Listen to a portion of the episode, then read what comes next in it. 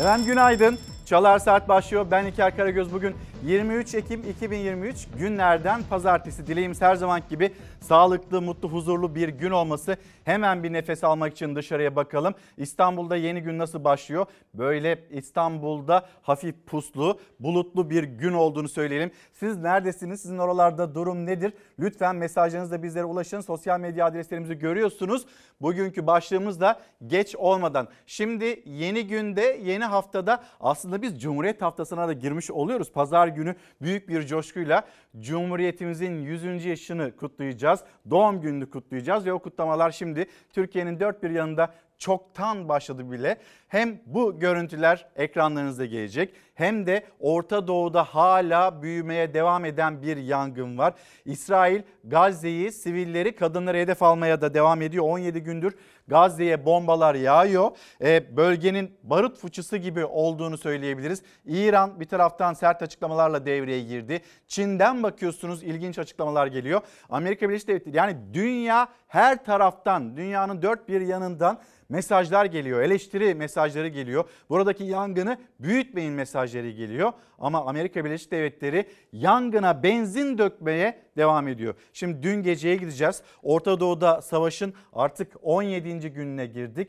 Sadece 24 saat içinde 400'den fazla sivil Gazze'de hayatını kaybetti. Çoğu kadındı, çoğu çocuktu ve yeni günün ilk haberi de bu olacak. Yeni günde maalesef Gazze'ye 17 gündür yağan bombalar hayatını kaybeden insanlar haberiyle başlıyoruz.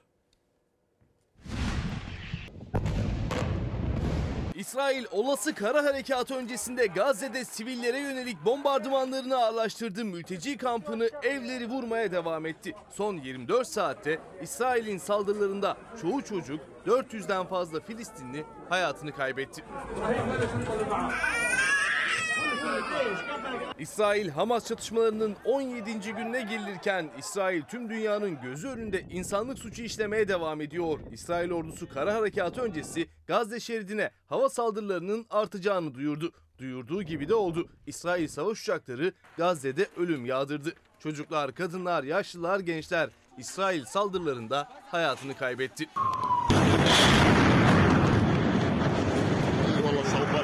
İsrail savaş uçakları bu gece boyunca da Gazze'de sivilleri vurdu. Gazze'deki Cebeliya, El Bureyç ve Nusayrat mülteci kampları da sivillerin yaşadığı evlerde İsrail'in hedefindeydi.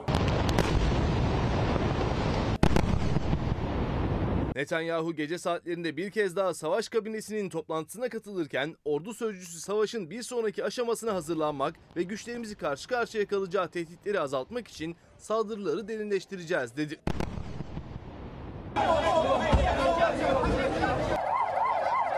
Dün gün boyunca yine İsrail vahşeti vardı Gazze'de. Han Yunus'ta evlerinden kaçan Filistinlilerin sığındığı bir Birleşmiş Milletler okulunun çevresi hedef alındı.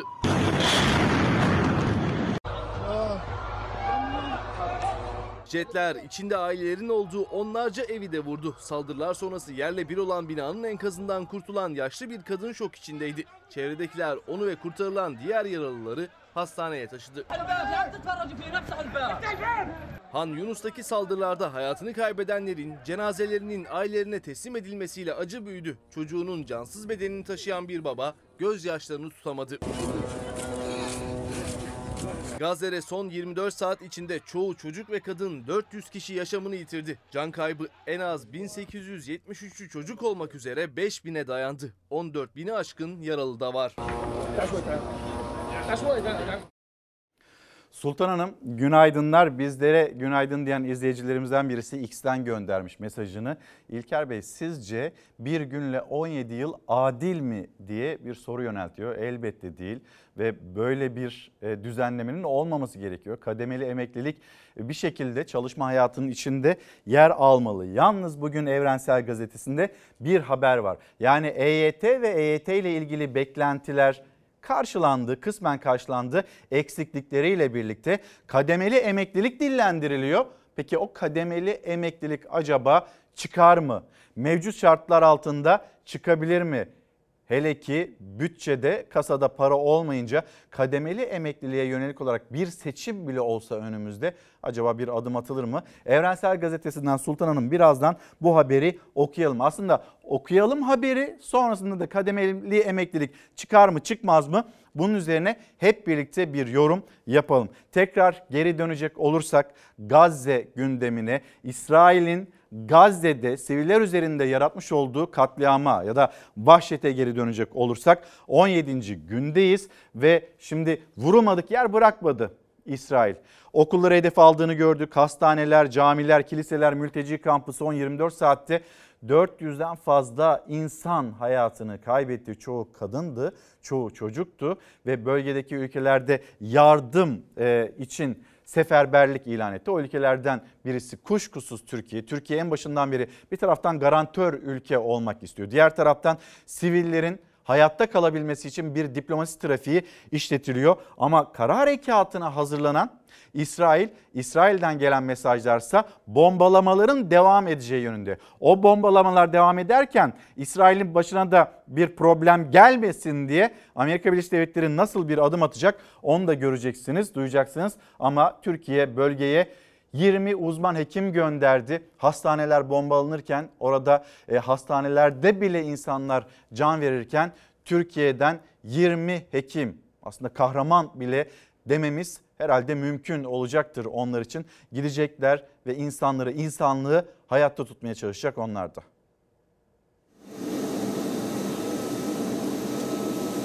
Gazze'ye yardım için uçağımız havalandı. Cumhurbaşkanlığımıza ait ilaç ve tıbbi malzemeyle dolu 20 uzman hekimin bulunduğu uçak Ankara'dan Mısır'a hareket etmiş durumda.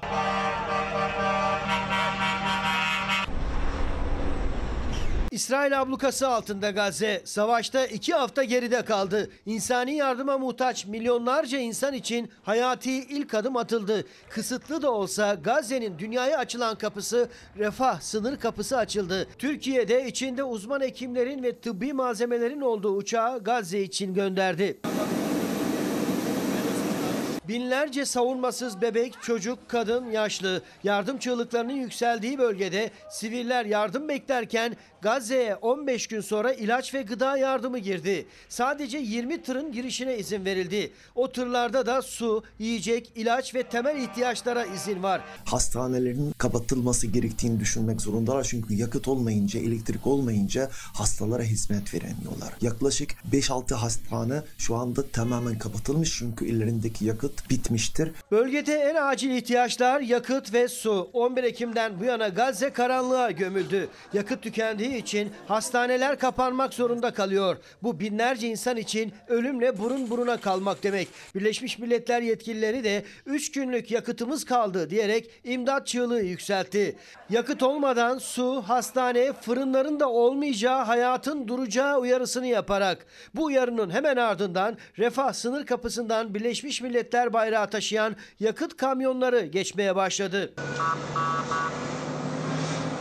Türk Kızılay'ı da Gazze'deki hastane ve ambulansların 30 günlük elektrik ihtiyacını karşılayabilecek 400 bin litrelik akaryakıtın sağlanması için Filistin Kızılay'ına destek verme kararı aldı.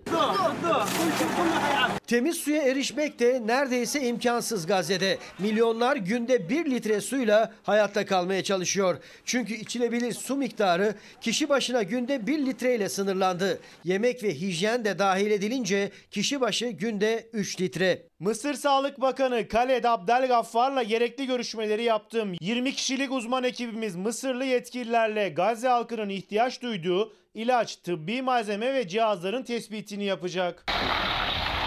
Türkiye bir yandan ateşkes için diplomasi trafiği yürütürken bir yandan da insani yardım için seferber oldu. 3 yardım uçağı Gazze'ye geçen hafta gitmişti. Kızılay'la AFAD'ın koordinesinde 4. uçak içinde hazırlıklar devam ediyor. Ayrıca Sağlık Bakanı Fahrettin Koca, Türkiye'nin gemiyle bölgeye sahra hastaneleri ve ambulanslar göndermeyi planladığını da açıkladı. Mısır Cumhurbaşkanı Sisi sınırın Birleşmiş Milletler ve Filistin Kızılay'ının gözetiminde sürekli olarak açık kalması konusunda Amerika Birleşik Devletleri Başkanı Joe Biden'la anlaştığını söyledi. Sınırlı da olsa refah kapısından geçişler devam ediyor. Gazetelere geçelim. Hep birlikte yeni günün gazeteleri ve manşetleri. Buyurun Hürriyet gazetesi Gazze'nin nefesi bitti. Birleşmiş Milletler raporu İsrail'in aralıksız saldırdığı Gazze'deki dehşet verici durumu ortaya koydu. Şehirde yaşayanlar hiçbir insani imkana ulaşamıyor. Raporda artık durum felaket, dünya daha fazlasını yapmalı denildi. Dünya elinden geleni yapıyor, ses de yükseltiyor. Amerika Birleşik Devletleri tüm bu seslere kulak tıkayarak daha fazlasını yapıyor. Bölgeye hem savunma sistemi kuruyor hem de Patriot füzelerini götürmeye hazırlanıyor. Amerika Birleşik Devletleri'nin yaklaşımı bu. İki haftalık katliam İsrail'e yetmedi. Yine Hürriyet gazetesinde bir başlık ve altındaki bilgiler. Saldırılarla Gazze'yi kasıp kavuran İsrail hava bombardımanını daha da şiddetlendireceğini açıkladı. Ordu sözcüsü kara saldırısı sonrası Gazze'yi bombardımanların artacağını, Gazze'ye yönelik bombardımanların artacağını belirterek savaşın bir sonraki aşamasına en iyi koşullarda girmeliyiz. Riskleri azaltmak için saldırıları yoğunlaştıracağız dedi. Savaşın bir sonraki aşamasının ne olduğunu hatırlayalım. En korkulan senaryo kara harekatı. Kara harekatı olmasın diye bütün herkes bölgedeki ülkeler ve dünya sesini çıkartırken yükseltirken savaşın bir sonraki aşamasına geçmeye hazırlanıyoruz. Bunun için de riskleri azaltacağız. Nasıl azaltacaklar? Daha fazla bombayla hem riskleri azaltacaklar kendileri açısından hem de daha fazla insan ölecek Gazze'de. Devam edelim. Hürriyet gazetesinin ardından Akşam gazetesi çarpıcı bir manşetle okurlarının karşısında Akşam gazetesi 1873 çocuk katledildi. İsrail'in soykırım saldırılarının üzerinden 15 gün geçti. Kimileri için rakamlar birer istatistiğe dönüştü. Oysa Gazze'de sadece masumlar değil insanlık da katledildi. Akşam gazetesinin manşeti 1873 çocuk katledildi. Ama bu manşet baskıdan çıktığında maalesef hayatını kaybeden, hayatı yarınları çalınan çocukların sayısı 2000'e yaklaştı. Çünkü dün akşamda bir mülteci kampını vurdu İsrail. Orada da çok sayıda kadın ve çocuk öldü maalesef. Bir başka haber Karar Gazetesi çocuklar daha ne kadar ölmeye devam edecek? Ne kadar daha buradaki zulüm, vahşet, katliam sürecek? Daha kaç çocuk katledilecek? Manşet Karar Gazetesi'nde. İsrail'in saldırılarında en az 1756 çocuk can verdi diyor Karar Gazetesi de. Gazze'de insanlık da öldü. Bir başka başlık. Gazze'de 7 Ekim'den bu yana can kayıpları 4300'ü aşarken maalesef dün akşamla birlikte 5000'e yaklaştı. Kapıdaki kara harekatı endişeleri büyütüyor. İsrail ordusu sözcüsü savaşın bundan sonraki aşamalarında aşamasında saldırılarımızı yoğunlaştıracağız dedi. İsrail ordusunun Gazze'ye havadan gitmeyen terörist sayılır. Ee, Gazze'ye havadan gitmeyen terörist sayılır afişlerini atması da kara operasyonunda geri sayımın başladığı şeklinde değerlendirildi. Şimdi burada İsrail bir hazırlık yapıyor. Gazze ve insanlık orada kendisini defansta tutmaya, kendisini savunmaya çalışıyor. İnsanlar ve insanlık nasıl hayatta kalır diye bir düşünce maalesef yok. Yaslı bir adresten, coğrafyadan, ülkeden, Filistin'den söz ediyoruz. Burada bir insanlık dramı yaşanıyor ve o insanlık dramı ile ilgili az önce gördüğünüz Birleşmiş Milletler'de, Birleşmiş Milletler Hürriyet gazetesinde manşetinde orada altı çizilecek bir ifade var. Artık durum felaket. Dünya daha fazlasını yapmalı diyor Birleşmiş Milletler. Yoksa bugün yaşananlar, yarın yaşanacak olanlar bugünden çok ama çok daha acı olacak. Abluka altındaki Gazze'de insanlık dramı büyüyor. Yakıt yetersizliği nedeniyle jeneratörlerin çalıştırılmasında sıkıntı yaşayan hastanelerde 130 prematüre bebek ölüm tehdidi altında. İsrail'in Gazze'de elektrik kesmesiyle hastanelerde korku dolu bekleyiş başladı. Çünkü çoğu cihaz jeneratörle çalışıyor. Ancak yakıt stokları da bitmek üzere. Savaşın kanlı yüzünün en küçük tanıkları da prematüre bebekler. Onlar cihazlara bağlı yaşıyor. Anne karnında olmaları gerekirken erken doğan bebeklerin her anı takip ediliyor. Müdahale gerektiği an Gazze'deki imkanlar dahilinde müdahale ediliyor. Yakıt sıkıntısı ise en çok onlar için tehlikeli. Gazze'deki Sağlık Bakanlığı akaryakıt istasyonu sahiplerini ve elinde az miktarda olsa yakıt bulunanları hastanelere bağış yapmaya çağırdı. Birleşmiş Milletler Gazze'deki hastanelerde en fazla 3 günlük yakıt kaldığını duyurdu. Gazze'de yaşanan durumun felaket olduğuna dikkat çekti. Dünyanın Gazze için daha fazlasını yapması gerektiğini savunarak ateşkes talep etti. Kaşir, lo, İsrail'de ise Başbakan Netanyahu'ya yönelik tepkiler artıyor. İsrailli rehinelerin aileleri Tel Aviv'deki Savunma Bakanlığı binası önünde toplandı. Göstericiler Netanyahu'yu alın, bize çocuklarımızı verin sloganları attı. Başbakanın istifasını istedi. İsrailli muhalif bir grupta Netanyahu'yu Aksa tufanı ile ilgili sorumluluktan kaçmak için delilleri ve belgeleri yok etmekle suçladı. Bölgede ateşkes için çabalar sürüyor. Mısır'ın ev sahipliği yaptığı Kahire Barış Zirvesi düzenlendi. Türkiye'yi Dışişleri Bakanı Hakan Fidan'ın temsil ettiği zirveye Avrupalı ve Arap liderler katıldı. Zirve sonunda ortak bir bildiri üzerinde anlaşma sağlanamadı. Bölgede tansiyon yüksek. İsrail Başbakanı Netanyahu, Lübnan sınırında Hizbullah'la süren çatışmalarla ilgili konuştu. Gazze Savaşı'nın İsrail için ölüm kalım meselesi olduğunu savundu. İsrail'le savaşa girerlerse büyük bir yıkım olacak diyerek Hizbullah'ı uyardı. Suriye'de İsrail'in Şam ve Halep havalimanına saldırdığını öne sürdü. İki havalimanının da kullanılamaz hale geldiği duyuruldu. Yine gazetelerden devam edeceğiz. Saat başına ulaştık ve emekliler bizimle ilgili haber var mı? Güzel bir haber var mı diye soruyor. E, Birazdan bir haber yayınlayacağız. Birlikte konuşalım. O haberi güzel olarak değerlendirebilir miyiz acaba? Sonra Türkiye gazetesinde bir haber müjde diye verilmiş. Hatta verelim mi İrfan? O haber de gelsin. Türkiye gazetesinden bir okuyalım. Hakimden e, yargıdan çalışana müjde, işçiye müjde diye bir haber var. E, hakimden çalışana ek iş izni. Bu bir dram mı yoksa müjde mi? Lütfen siz yazıp gönderin. Geç olmadan başlığı altında konuşalım. Geçim sıkıntısı çekenlerin ek bir işte çalışmasının önü resmen açıldı. Mahkeme işçinin ek iş yapmasını yasaklayan sözleşmeyi iptal etti ve işçiye de böyle bir müjde çıktı.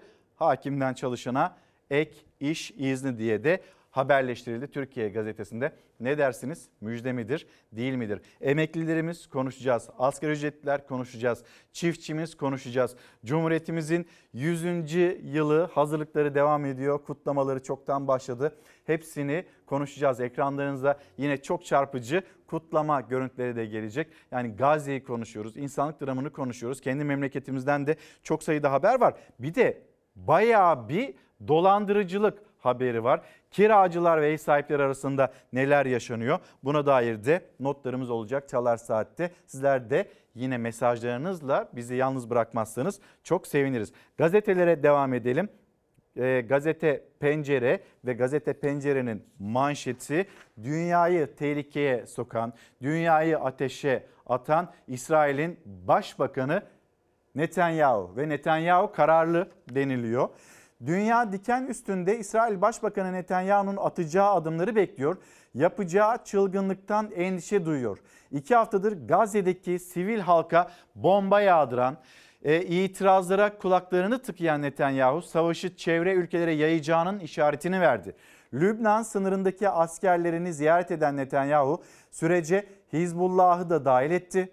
İsrail'in kuzeydeki tehdidi durdurmak, güneyde de Hamas'ı yeryüzünden silmek için iki savaş yürüttüğünü söyledi. E, kaygıları daha da artıran haberde ise Amerika Birleşik Devletleri'nden geliyor bu yeni haber. Akdeniz'de iki savaş gemisi bulunduran Amerika Birleşik Devletleri'nin bölgeye Patriot bataryaları ve e, alan savunma füze sistemleri yerleştireceği açıklandı. Bir hazırlık yapıyorlar. Amerika Birleşik Devletleri ve İsrail bir hazırlık içinde. Sonra bölge ülkelerinden sert açıklamalar geliyor. Rusya'ya bakıyorsunuz, Amerika Birleşik Devletleri'ne yani bir hatırlatma, uyarı değil de siz de bizim menzilimizin içindesiniz.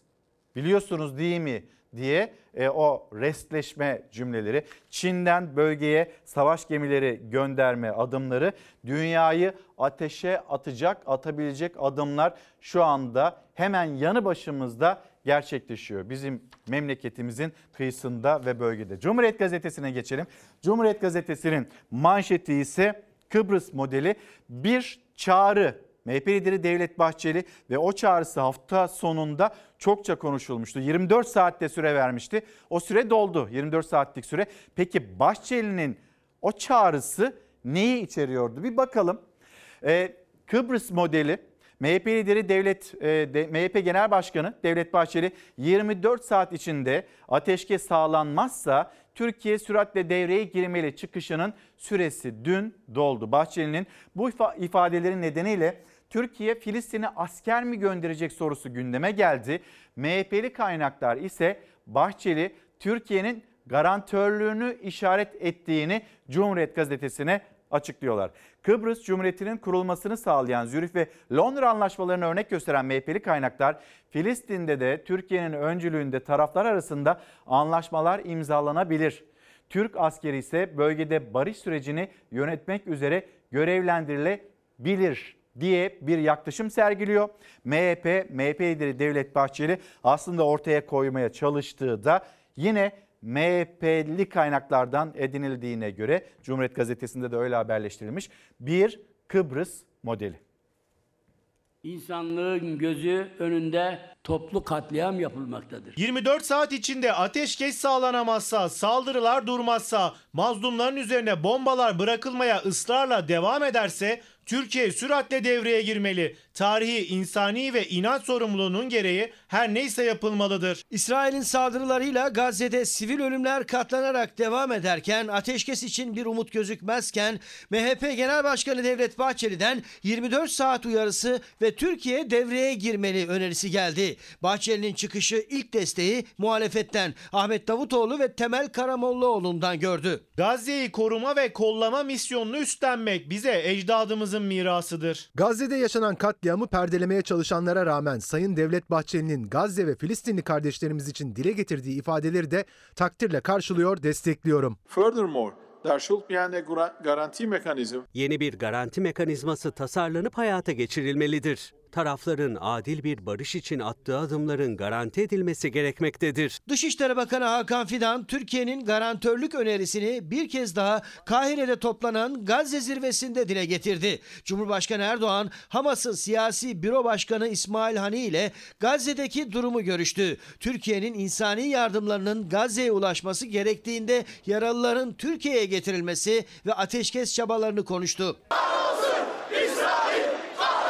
İçinde sivillerin yaşadığı binaları bombalarla yerle yeksan ederek her türlü utanç verici yöntemle yürütülen bir çatışma savaş değil katliamdır. Eğer buradan biz barışa gitmezsek, kalıcı bir barışı tercih etmezsek, kalıcı bir savaş bölgede ve istikrarsızlık bizleri bekliyor. Erdoğan Haniye görüşmesinden sonra Türkiye'nin kalıcı barış için mücadele vermeye devam edeceği notu paylaşılırken Bahçeli, Türkiye'nin garantörlük teklifinin akılcı, isabetli ve stratejik bir girişim olduğunu söyledi. Dünya kuzuların sessizliğinde Türkiye sessiz kalmamalı dedi. Türkiye Cumhuriyeti Gazze'yi yüzü gülen çocukların şehri, kardeşlerimizin huzur ve güven içinde yaşayacağı bir İslam beldesi yapmaya hazırdır.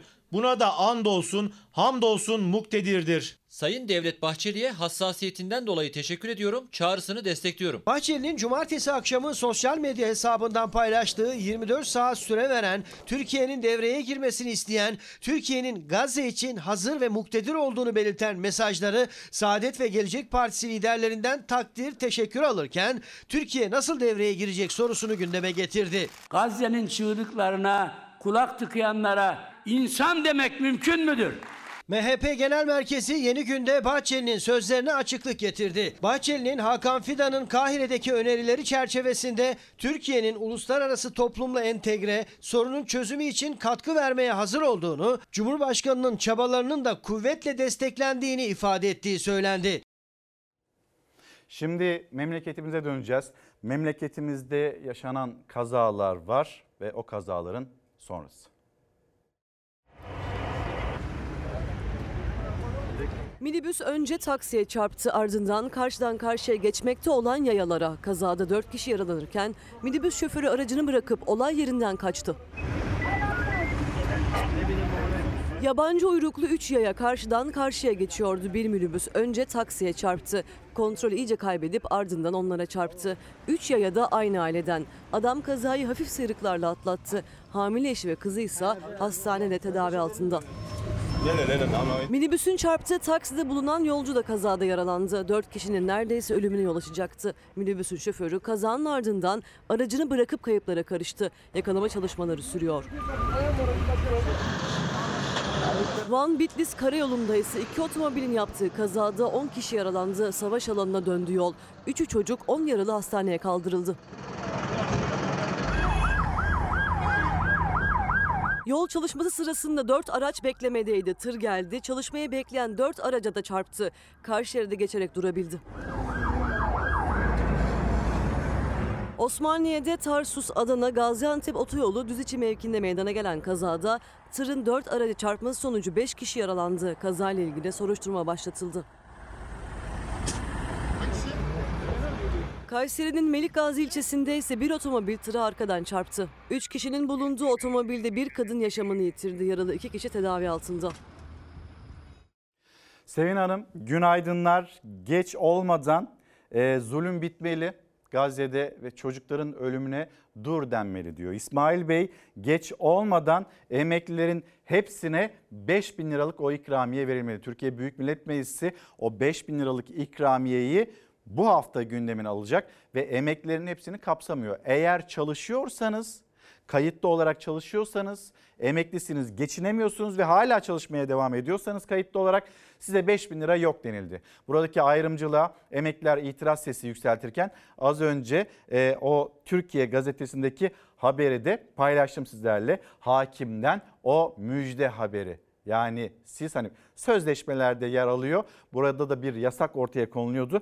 Artık çalışana ek iş izni de verilecekmiş. Bu da bir müjde olarak hayatımıza yer alıyor. Bu müjdeler bizi ne kadar da güldürüyor diye bir başka izleyicimiz de Instagram'dan yazıp göndermiş. Şimdi devam edelim.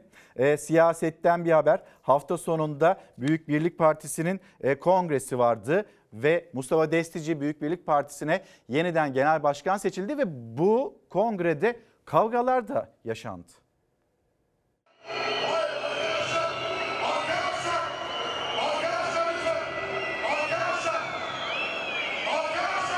Uyarılar, araya girme çabaları hiçbir şey fayda etmedi. Büyük Birlik Partisi'nin 12. olan büyük kurultayında yumruklar konuştu.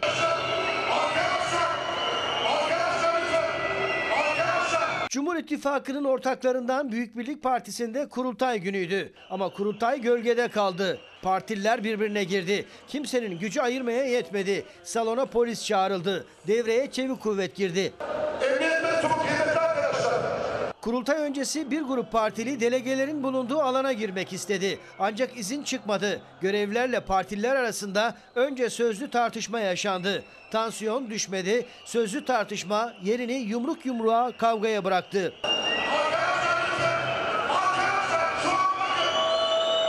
Kavgalı kurultayda yeniden Büyük Birlik Partisi Genel Başkanlığı'na Mustafa Destici seçildi.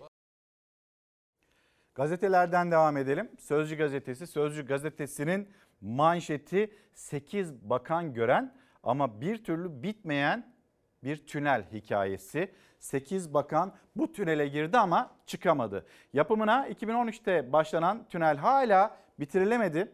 Karadeniz'i Sivas üzerinden Akdeniz'e bağlayacak olan Geminbeli Tüneli 8 Ulaştırma Bakanı gelip gitmesine rağmen 10 yıldır tamamlanamadı. 2011-2013 yıllarında Binali Yıldırım ihaleyi yaptı, temeli attı.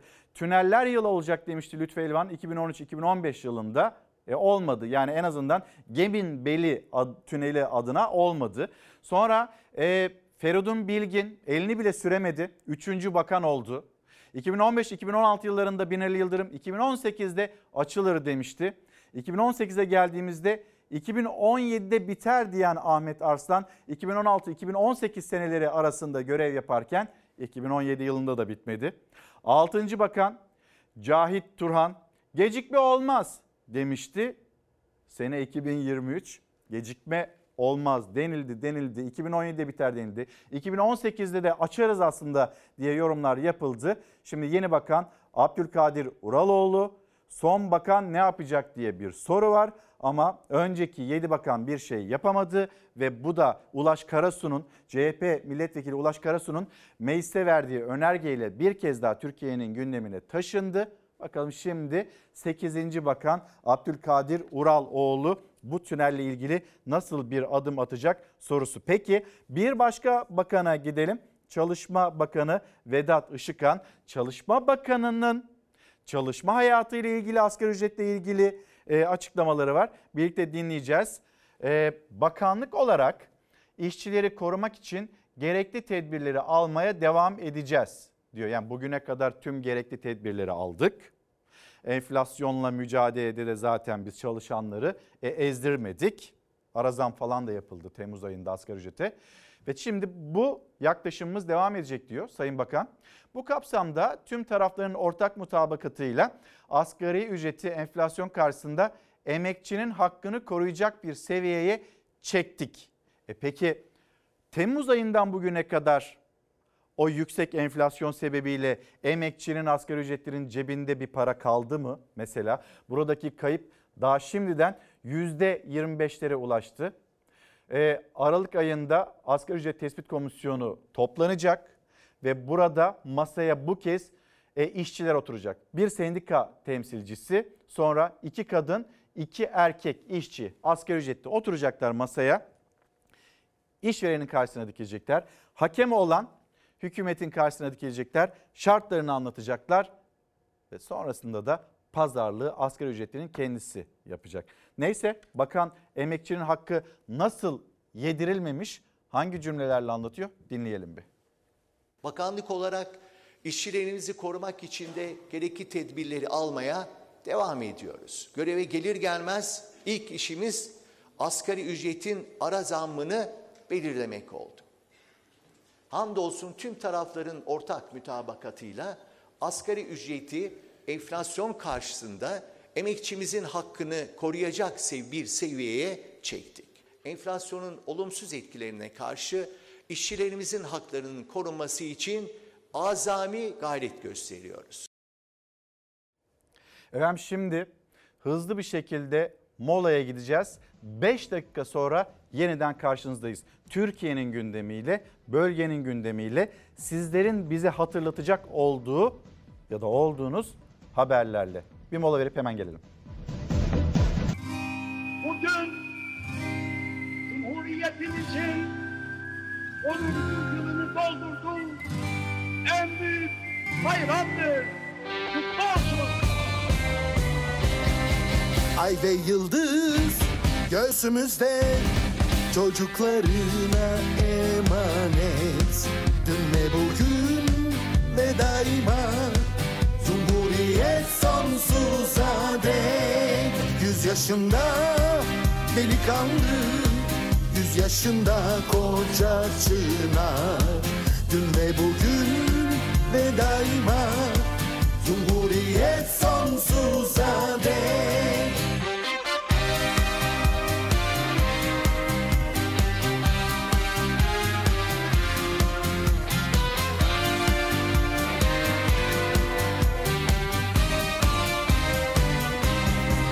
Bağımsızlık karakterin Vatana aşkım ibadet. Dün ve bugün ve daima Cumhuriyet sonsuza dek. Atamızdan bize miras Gösterdiği her hedefe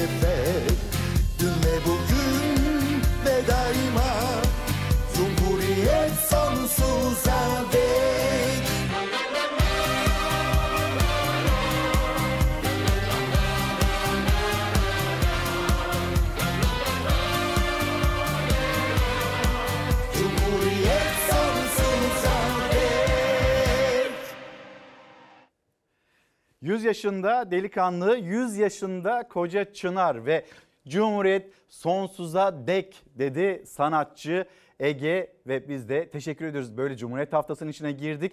Pek çok tatsız haber, olay, durum var ama bir taraftan da Türkiye Cumhuriyeti e, Cumhuriyeti'nin 100. yaşını kutlayacak bir doğum günü partisine hazırlanıyoruz. Pazar günü ve biz Fox ailesi olarak da pazar günü çok özel bir yayınla karşınızda olacağız. Şimdiden söyleyelim. Ayrıca bugün mesela bir Trabzonlu hayatını Atatürk ve Cumhuriyet konusunda çalışmalara adamış bir isimde yine Çalar Saat'te misafirimiz olacak. Şimdiden hatırlatmasını yapmış olayım. Yani kendisiyle hem gündemi konuşacağız. Belki bölgede olup bitenleri ama aynı zamanda atamızı, hedeflerini, Cumhuriyet, Cumhuriyet'in hedefleri bunları da konuşacağız. Ee, şimdi siyaset, ekonomi, işte Gazze olup bitenler derken bir de spordan haber verelim isteriz. Fenerbahçe, Fenerbahçe 9'da 9 yaptı. Süper Fenerbahçe'ye diyebiliriz. Hatay Sporu evinde 4-2 yenmeyi başardı. Bu arada Hatay Sporu da böyle büyük bir sevgiyle, sevgiseliyle karşıladı. Fenerbahçe, Fenerbahçe taraftarı evinize hoş geldiniz diye futbolcuları ve teknik direktörü Volkan Demirel'i yani Fenerbahçe'nin yine efsane kaptanlarından Volkan Demirel'i böyle ağırladılar. Süper Lig tarihinin en iyi başlangıcını yapıp da rekor kırdı Fenerbahçe maç sonrasına bir gidelim. Verilen mesajlar dinleyelim.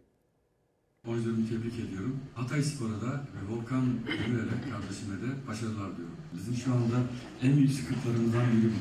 13-14 tane milli takım oyuncu gidiyor. Bazı oyuncuların mesela performansını yukarı çekmeyi istesek de e, bu bizim elimizde olan bir şey değil. Milli takıma gittikleri için e, onları istediğimiz seviyeye çekemiyoruz. Ama bu arada e, bazı oyuncularla konuşup onlarla ilgili ekstra yapacağımız antrenmanlarla takımın seviyesini çekmem gereken oyuncular var. İkinci yarının başlarında kaçırdığı pozisyon. Sonra frikikten gelen gol. Sonra bir iki tane daha pozisyonumuz var. Maçı dengeleyebilirdik ki frikikten gol yedik. Ee, dediğim gibi ilk yarıdaki yaptığımız, benim yaptığım daha doğrusu hatalar. İkinci yarıda toparlamaya çalışmaya başladık ama dediğim gibi maç biraz zorla girmişti. İki ligin çok üstünde kadrolar kurdular. Bu bir gerçek. Ve makas da çok açılıyor yavaş yavaş. Biz de bu rakiplerimizi takip etmeye çalışıyoruz. E, büyük ihtimal Fenerbahçe ve Galatasaray arasında bir şampiyonluk yarışması izleyeceğiz, yarışı izleyeceğiz. O yüzden hak edenin kazanacağı bir şampiyonluk yarışı olsun. Dediğim gibi bizler de elimizden geldiği kadar mücadele etmeye çalışacağız. Spor dünyasında olup bitenler Fenerbahçe, Fenerbahçe'nin galibiyeti. E, bu da gelsin dedik ekranlarınıza. Şimdi devam edelim. Cumhuriyetimizin 100. yılı peki ekonomik anlamda Cumhuriyet'in 100. yılında bizlerin, bu ülkenin vatandaşlarının yaşadıkları peki doğru mudur? Yani bu yaşadıklarımızı nereye koyacağız? 100 yıl sonra vardığımız yerle ilgili mesajlarınız var mıdır? Onları da lütfen geç olmadan başlığı altında bizlere ulaştırın. Yerel gazetelere bakacağız. Bir haberimiz var. O haberde İstanbul'da insanlar kalamıyor. İstanbul'dan göç etmek zorunda kalıyor. Neden? Mesela son 5 yılda kaç kişi İstanbul'u terk etmek zorunda kaldı? Bunun notunu da paylaşacağız. Bir Gaziantep'e gidelim. Gaziantep felaketin yaraları hızla sarılıyor deniliyor. Dünyada ilk 5 ekonomi arasında olmayı hedefliyoruz. Mesela e, Sanayi Bakanı, Ticaret Bakanı'nın Ömer Bolat'ın bir açıklaması. Bunu konuşalım. Yani felaketin yaraları hızla sarılırken, e, burada çalıştaylar yapılırken, bölgede o e, depremin sarstığı şehirlerde e, Ticaret Bakanı'nın açıklaması dünyada ilk 5 ekonomi arasında olma hedefi 2011 yılında 2023 yılında vatandaşlarımızın milli geliri 25 bin dolar olacak denilmişti. O hedefin çok çok çok gerisindeyiz. Şimdi yeni bir hedef var. O da bugünün hedefi değil. 2053 yılında dünyanın en büyük 5 ekonomisinden birisi olmayı hedefliyoruz diye bir mektup yazılıyor 2023 yılından 2053 yılına. Sonra deprem harcamaları dengeyi bozdu. Mehmet Şimşek yani dengemiz her şey yolundaydı, ekonomi güzel gidiyordu. Faiz sebep enflasyon yaklaşımı da hani o da ekonomiye hiç zarar vermemişti. Dolar da sıçramamıştı. Akaryakıt fiyatları her şeyin fiyatı artmamıştı. Deprem olduğu için böyle oldu diye bir yorum Mehmet Şimşek'ten Gaziantep'teki durum bu. Çanakkale'ye gidelim. Çanakkale Kalem Gazetesi ve manşeti ev sahipleri %100 zammı da beğenmiyorlar. Peki burada en başta %25'te bir sınırlama yapıldığı için hata yapılmış olabilir mi? Ev sahipleri ve kiracılar karşı karşıya geliyor. Yaralamalar var, cinayetler var. Sonra ev sahipleri kiracıların camlarını indiriyor. Kapıyı söküp giden ev sahipleri var. Böyle bir durumu maalesef yaşıyoruz. Cumhuriyet'in 100. yılında bunlara da tanıklık ediyoruz. Gelelim İstanbul ile ilgili konuya İstanbul'dan göçen göçene 5 yılda 2.2 milyon kişi İstanbul'u yaşayamadığı için, geçinemediği için terk etti. Biz terk ettik. Kimler geldi? Hep birlikte izleyelim. İstanbul'da yaşamanın maliyeti çok yüksek tabii ki. Bunun için en az evde kaç kişiyseniz hepsinin hepsinin çalışması gerekiyor. Artan geçim sıkıntısı, kiralardaki önlenemez artış ve İstanbul'un keşmekeşi daha iyi bir ev, daha iyi yaşam koşulları hayaliyle son 5 yılda 2 milyon 200 bin kişi İstanbul'dan diğer şehirlere göç etti. Buna rağmen İstanbul halen daha göç almaya devam ediyor. Ortalama gelirim şu an 30-40 bin arası. Çocuğumla beraber yaşıyorum. iki kişiyiz. Yetmiyor diyebilirim yani. Enflasyon son 20 yıldaki en yüksek seviyesinde. Türkiye'nin her ilinde hayat pahalı. Büyük şehirlerde yaşayanlar köyüne, memleketine ya da hiç bilmediği ama yaşamın daha kolay olacağını düşündüğü illere göç etme hayali içinde. Ki bunu gerçekleştiren vatandaş sayısı da az değil. Çok yoğun, acayip yoğun hem de. İnsanlar kaçıyor herhalde İstanbul'dan. Kiraların en fazla arttığı il olan İstanbul'da ise kimi vatandaş göç etmeyi zorunlu bir çözüm olarak görüyor artık. Türkiye İstatistik Kurumu İstanbul'un aldığı ve verdiği göç sayısını sebepleriyle birlikte ortaya koydu. 2018-2022 yıllarını kapsayan son 5 yılda 2 milyon 182 bin kişi İstanbul'dan göç etti. 2018'de bu sayı 596 bindi.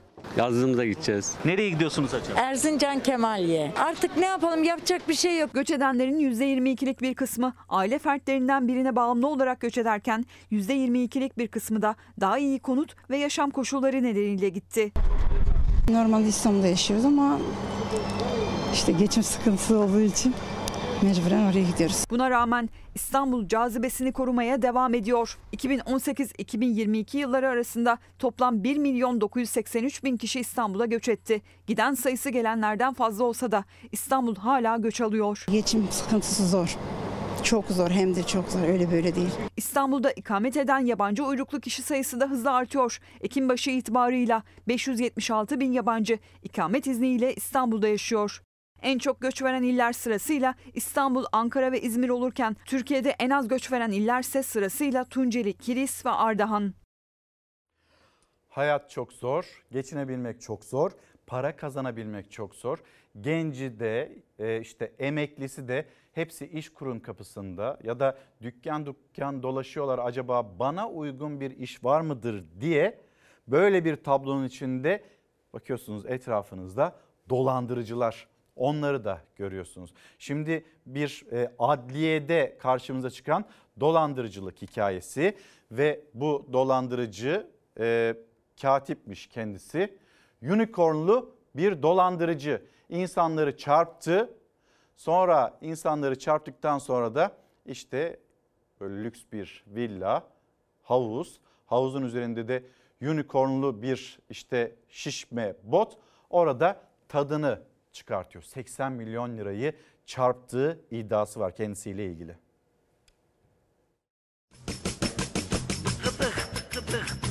Bu şahıslar kamu görevlisidir. Hatta e, adliyede çalışan yargı mensubu olan kişilerdir. Bunlar hakim şifrelerini kendileri öğrenmiş. İnsanların TC'lerini TC'lerini araştırıyorlar, buluyorlar ve insanların TC'lerinden mal ne malı var, ne mülkü var bunlara bakıyorlar. Adli personeliz diye güven verdiler, onlarca kişiyi dolandırdılar. Hakimlerin odasına girip şifreleriyle bilgisayarlarını açıp hedeflerinin TC kimlik numaralarına ulaşan dolandırıcılar İçişleri Bakanlığı'nın operasyonuyla yakalandı. 13 şebeke üyesinden sadece ikisi tutuklandı, 11'i serbest. Serbest bırakılmalarındaki en büyük endişemiz bu kişilerin tekrardan organize olup tekrardan ki insanlarımızı, vatandaşımızı mağdur etmesidir. Annesi ve eşi şu an tekrar göreve döndü. Yani nasıl güveneceğiz efendim bunlara yani? Yargı dağıtılan bir kurumda insanları kandırıyorlar ve e, insanları dolandırıyorlar. Artık kime güveneceğimizi şaşırdık efendim. İçişleri Bakanı Ali Yerlikaya 13 Ekim'de duyurmuştu operasyonu.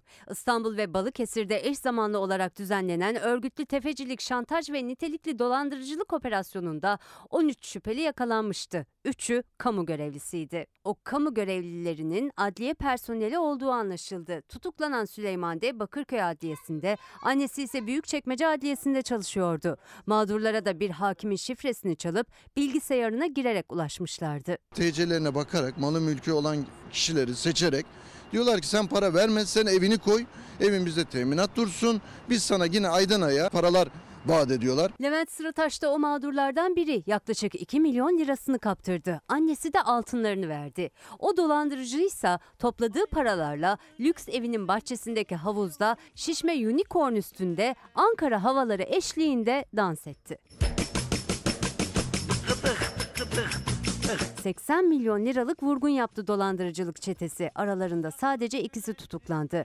Adli personel Süleyman D ve şebekenin kasası olduğu iddia edilen Abbas K. 11 kişi ise adli kontrol şartıyla serbest bırakıldı. Çok önemli delillerin olmasına rağmen e, emniyetin de çok güçlü bir fezleke hazırlaması, hazırlamış olmasına rağmen kişilerin e, büyük bir kısmının e, tutuksuz yargılanmak üzere serbest bırakılması bizi çok e, mağdur etti, çok hayal kırıklığına uğrattı. İçişleri Bakanı Ali Yerlikaya sosyal medya hesabından bir başka çeteye yapılan operasyonu da paylaştı.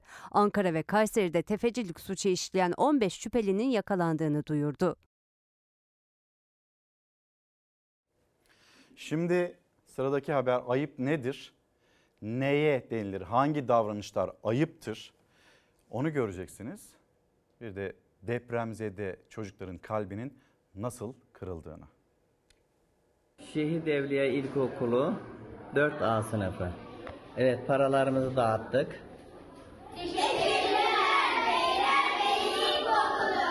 Küçücük çocukları 50 TL'ye muhtaç e, bir e, biçimde e, görüntüyü almak için bir hazırlığın yapılmış olması ve bu hazır videodan sonra bunun paylaşılmış olması çocuk yoksulluğunun hatta çocukların istismarı anlamına geldiği gibi çocuğun üstün yararına hizmet eden bir durum değildir. İstanbul'daki ilköğretim öğrencilerinden 50'şer lira toplayıp Kahramanmaraş'taki depremzede öğrencilere dağıttılar ve o anları videoya çekip mesaj gruplarında paylaştılar. Öğrencileri kayıt altına alırken bir de depremzede çocuklara teşekkür ettirdi okul görevlisi. Eğitim sene göre yapılanlar yönetmeliğe aykırı ve daha da kötüsü çocukların istismarı söz konusu. Sosyal medya ve haberleşme platformlarında her ne ad altında olursa olsun paylaşılamaz.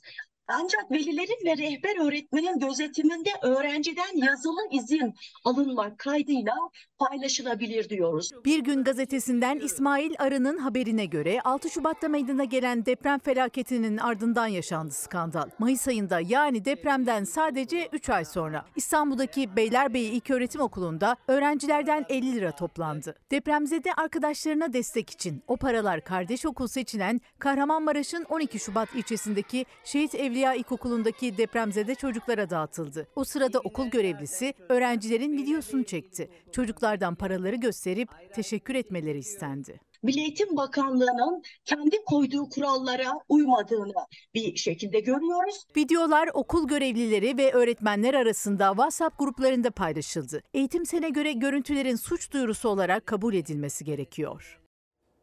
Şimdi bir elin verdiğini diğer el görmeyecek denilirdi.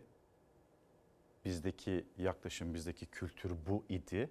Şimdi hadi bakalım gösterin size. Hadi etrafa gösterin. Sizlere 50 lira verdik mi? Verdik. Hadi gösterin. Bir de teşekkür edin bize. Neyin teşekkürünü bekliyorsunuz? Orada çocukların kalbini kırmaktan başka ne yapmış olabilirsiniz? Bir tane de etrafınızda aklı selim kişi ya bu olmaz yapılmaz demedi mi? Yok denmemiş. Bir de o 50 liralarla böyle fotoğraf vermeleri, poz vermeleri istenmiş çocukların. Dünyaları başlarına yıkılmış. O yetmemiş gibi daha üzerlerine sürekli fatura biniyor. Molozu kaldırmak için bile insanlardan para isteniyor. Ne zaman o evlerine, kalıcı konutlarına yerleşecekler bunun bile daha takvimi ortaya çıkmamış. Yani hayat orada berbat. Geliyor birileri 50 lira dağıtıyor. 50 liralık bir akılla orada çocuklar üzerinden de reklam yapıyorlar. Ya biz utandık. Bilmiyorum siz utandınız mı? Devam edelim. Şimdi Beyoğlu'ndayız. Beyoğlu'nda e, taksici dehşeti yaşandı. Önce taciz, sonrasında da bıçakla yaralama.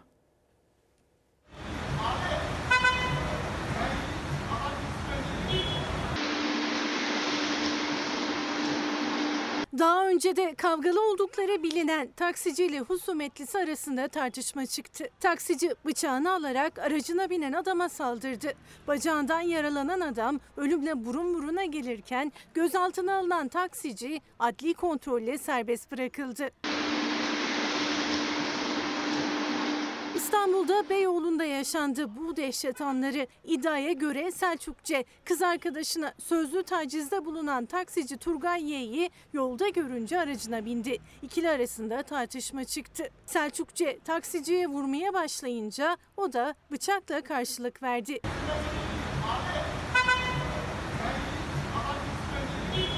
İkilinin araçta başlayan kavgası sokağa taştı. Taksici gaza basıp olay yerinden uzaklaşırken bacağından yaralanan Selçukçe hastaneye kaldırıldı.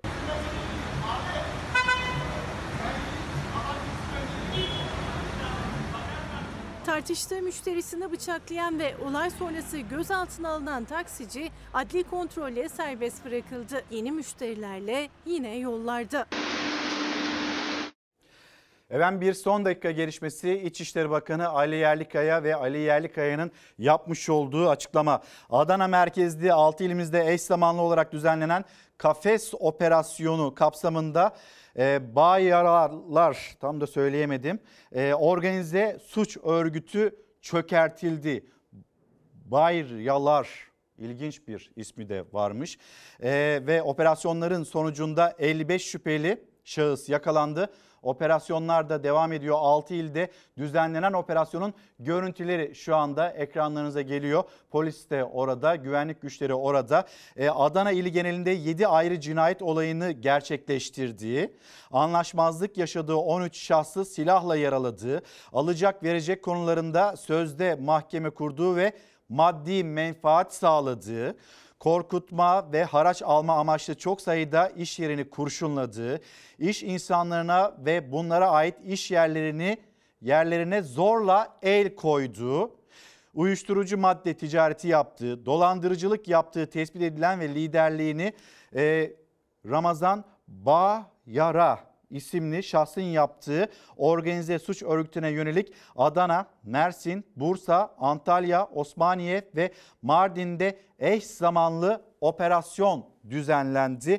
55 şüpheli şahıs yakalandı. Şimdi şüpheli şahıslarla birlikte pek çok da e, burada silah mühimmat ele geçmiş. Kalaşnikov marka silahlar, sonra otomatik silahlar, sonra silahlar, tabancalar, av tüfekleri pek çok e, burada silaha da el konuluyor. Kafes operasyonu kapsamında burada suç örgütlerine yönelik operasyonların bitmeyeceğini söylemişti Ali Yerlikaya. İşte son dakika gelişmesi ekranlarınızda o son dakika gelişmesi ve düzenlenen operasyonda Adana merkezde 6 ilde düzenlenen operasyonlarda bunun görüntüleri sıcağı sıcağına drone'la nasıl takip edildi, nasıl kaydedildi bu görüntüleri de paylaştı İçişleri Bakanı aynı zamanda. Şimdi az önce Gaziantep Yerel Gazetesi ve o yerel gazeteden e, Ticaret Bakanı'nın açıklamalarını görmüştük. Bir de dinleyelim yani bugünün hedefi değil 2053 yılının 30 yıl sonrasının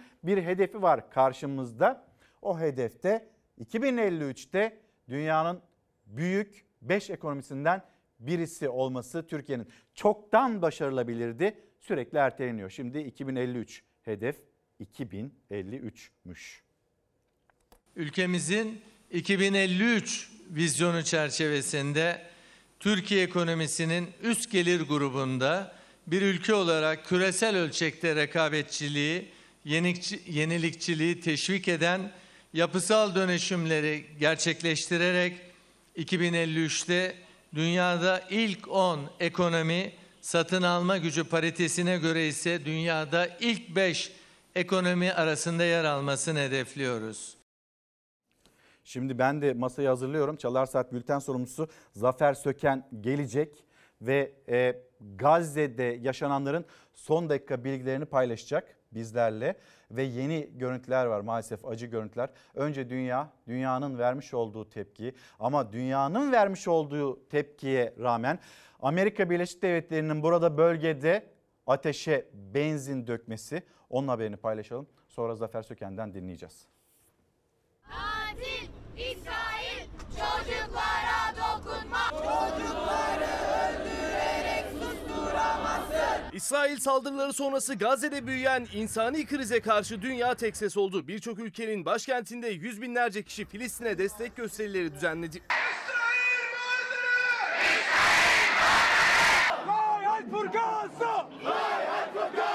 Amerika Birleşik Devletleri'nde göstericiler başkent Washington'da bir araya geldi. Amerikan Kongresi önünde dev Filistin bayrağı açtı. İsrail'i protesto etmek isteyen Müslümanlar Washington anıtı önünde namaz kıldı.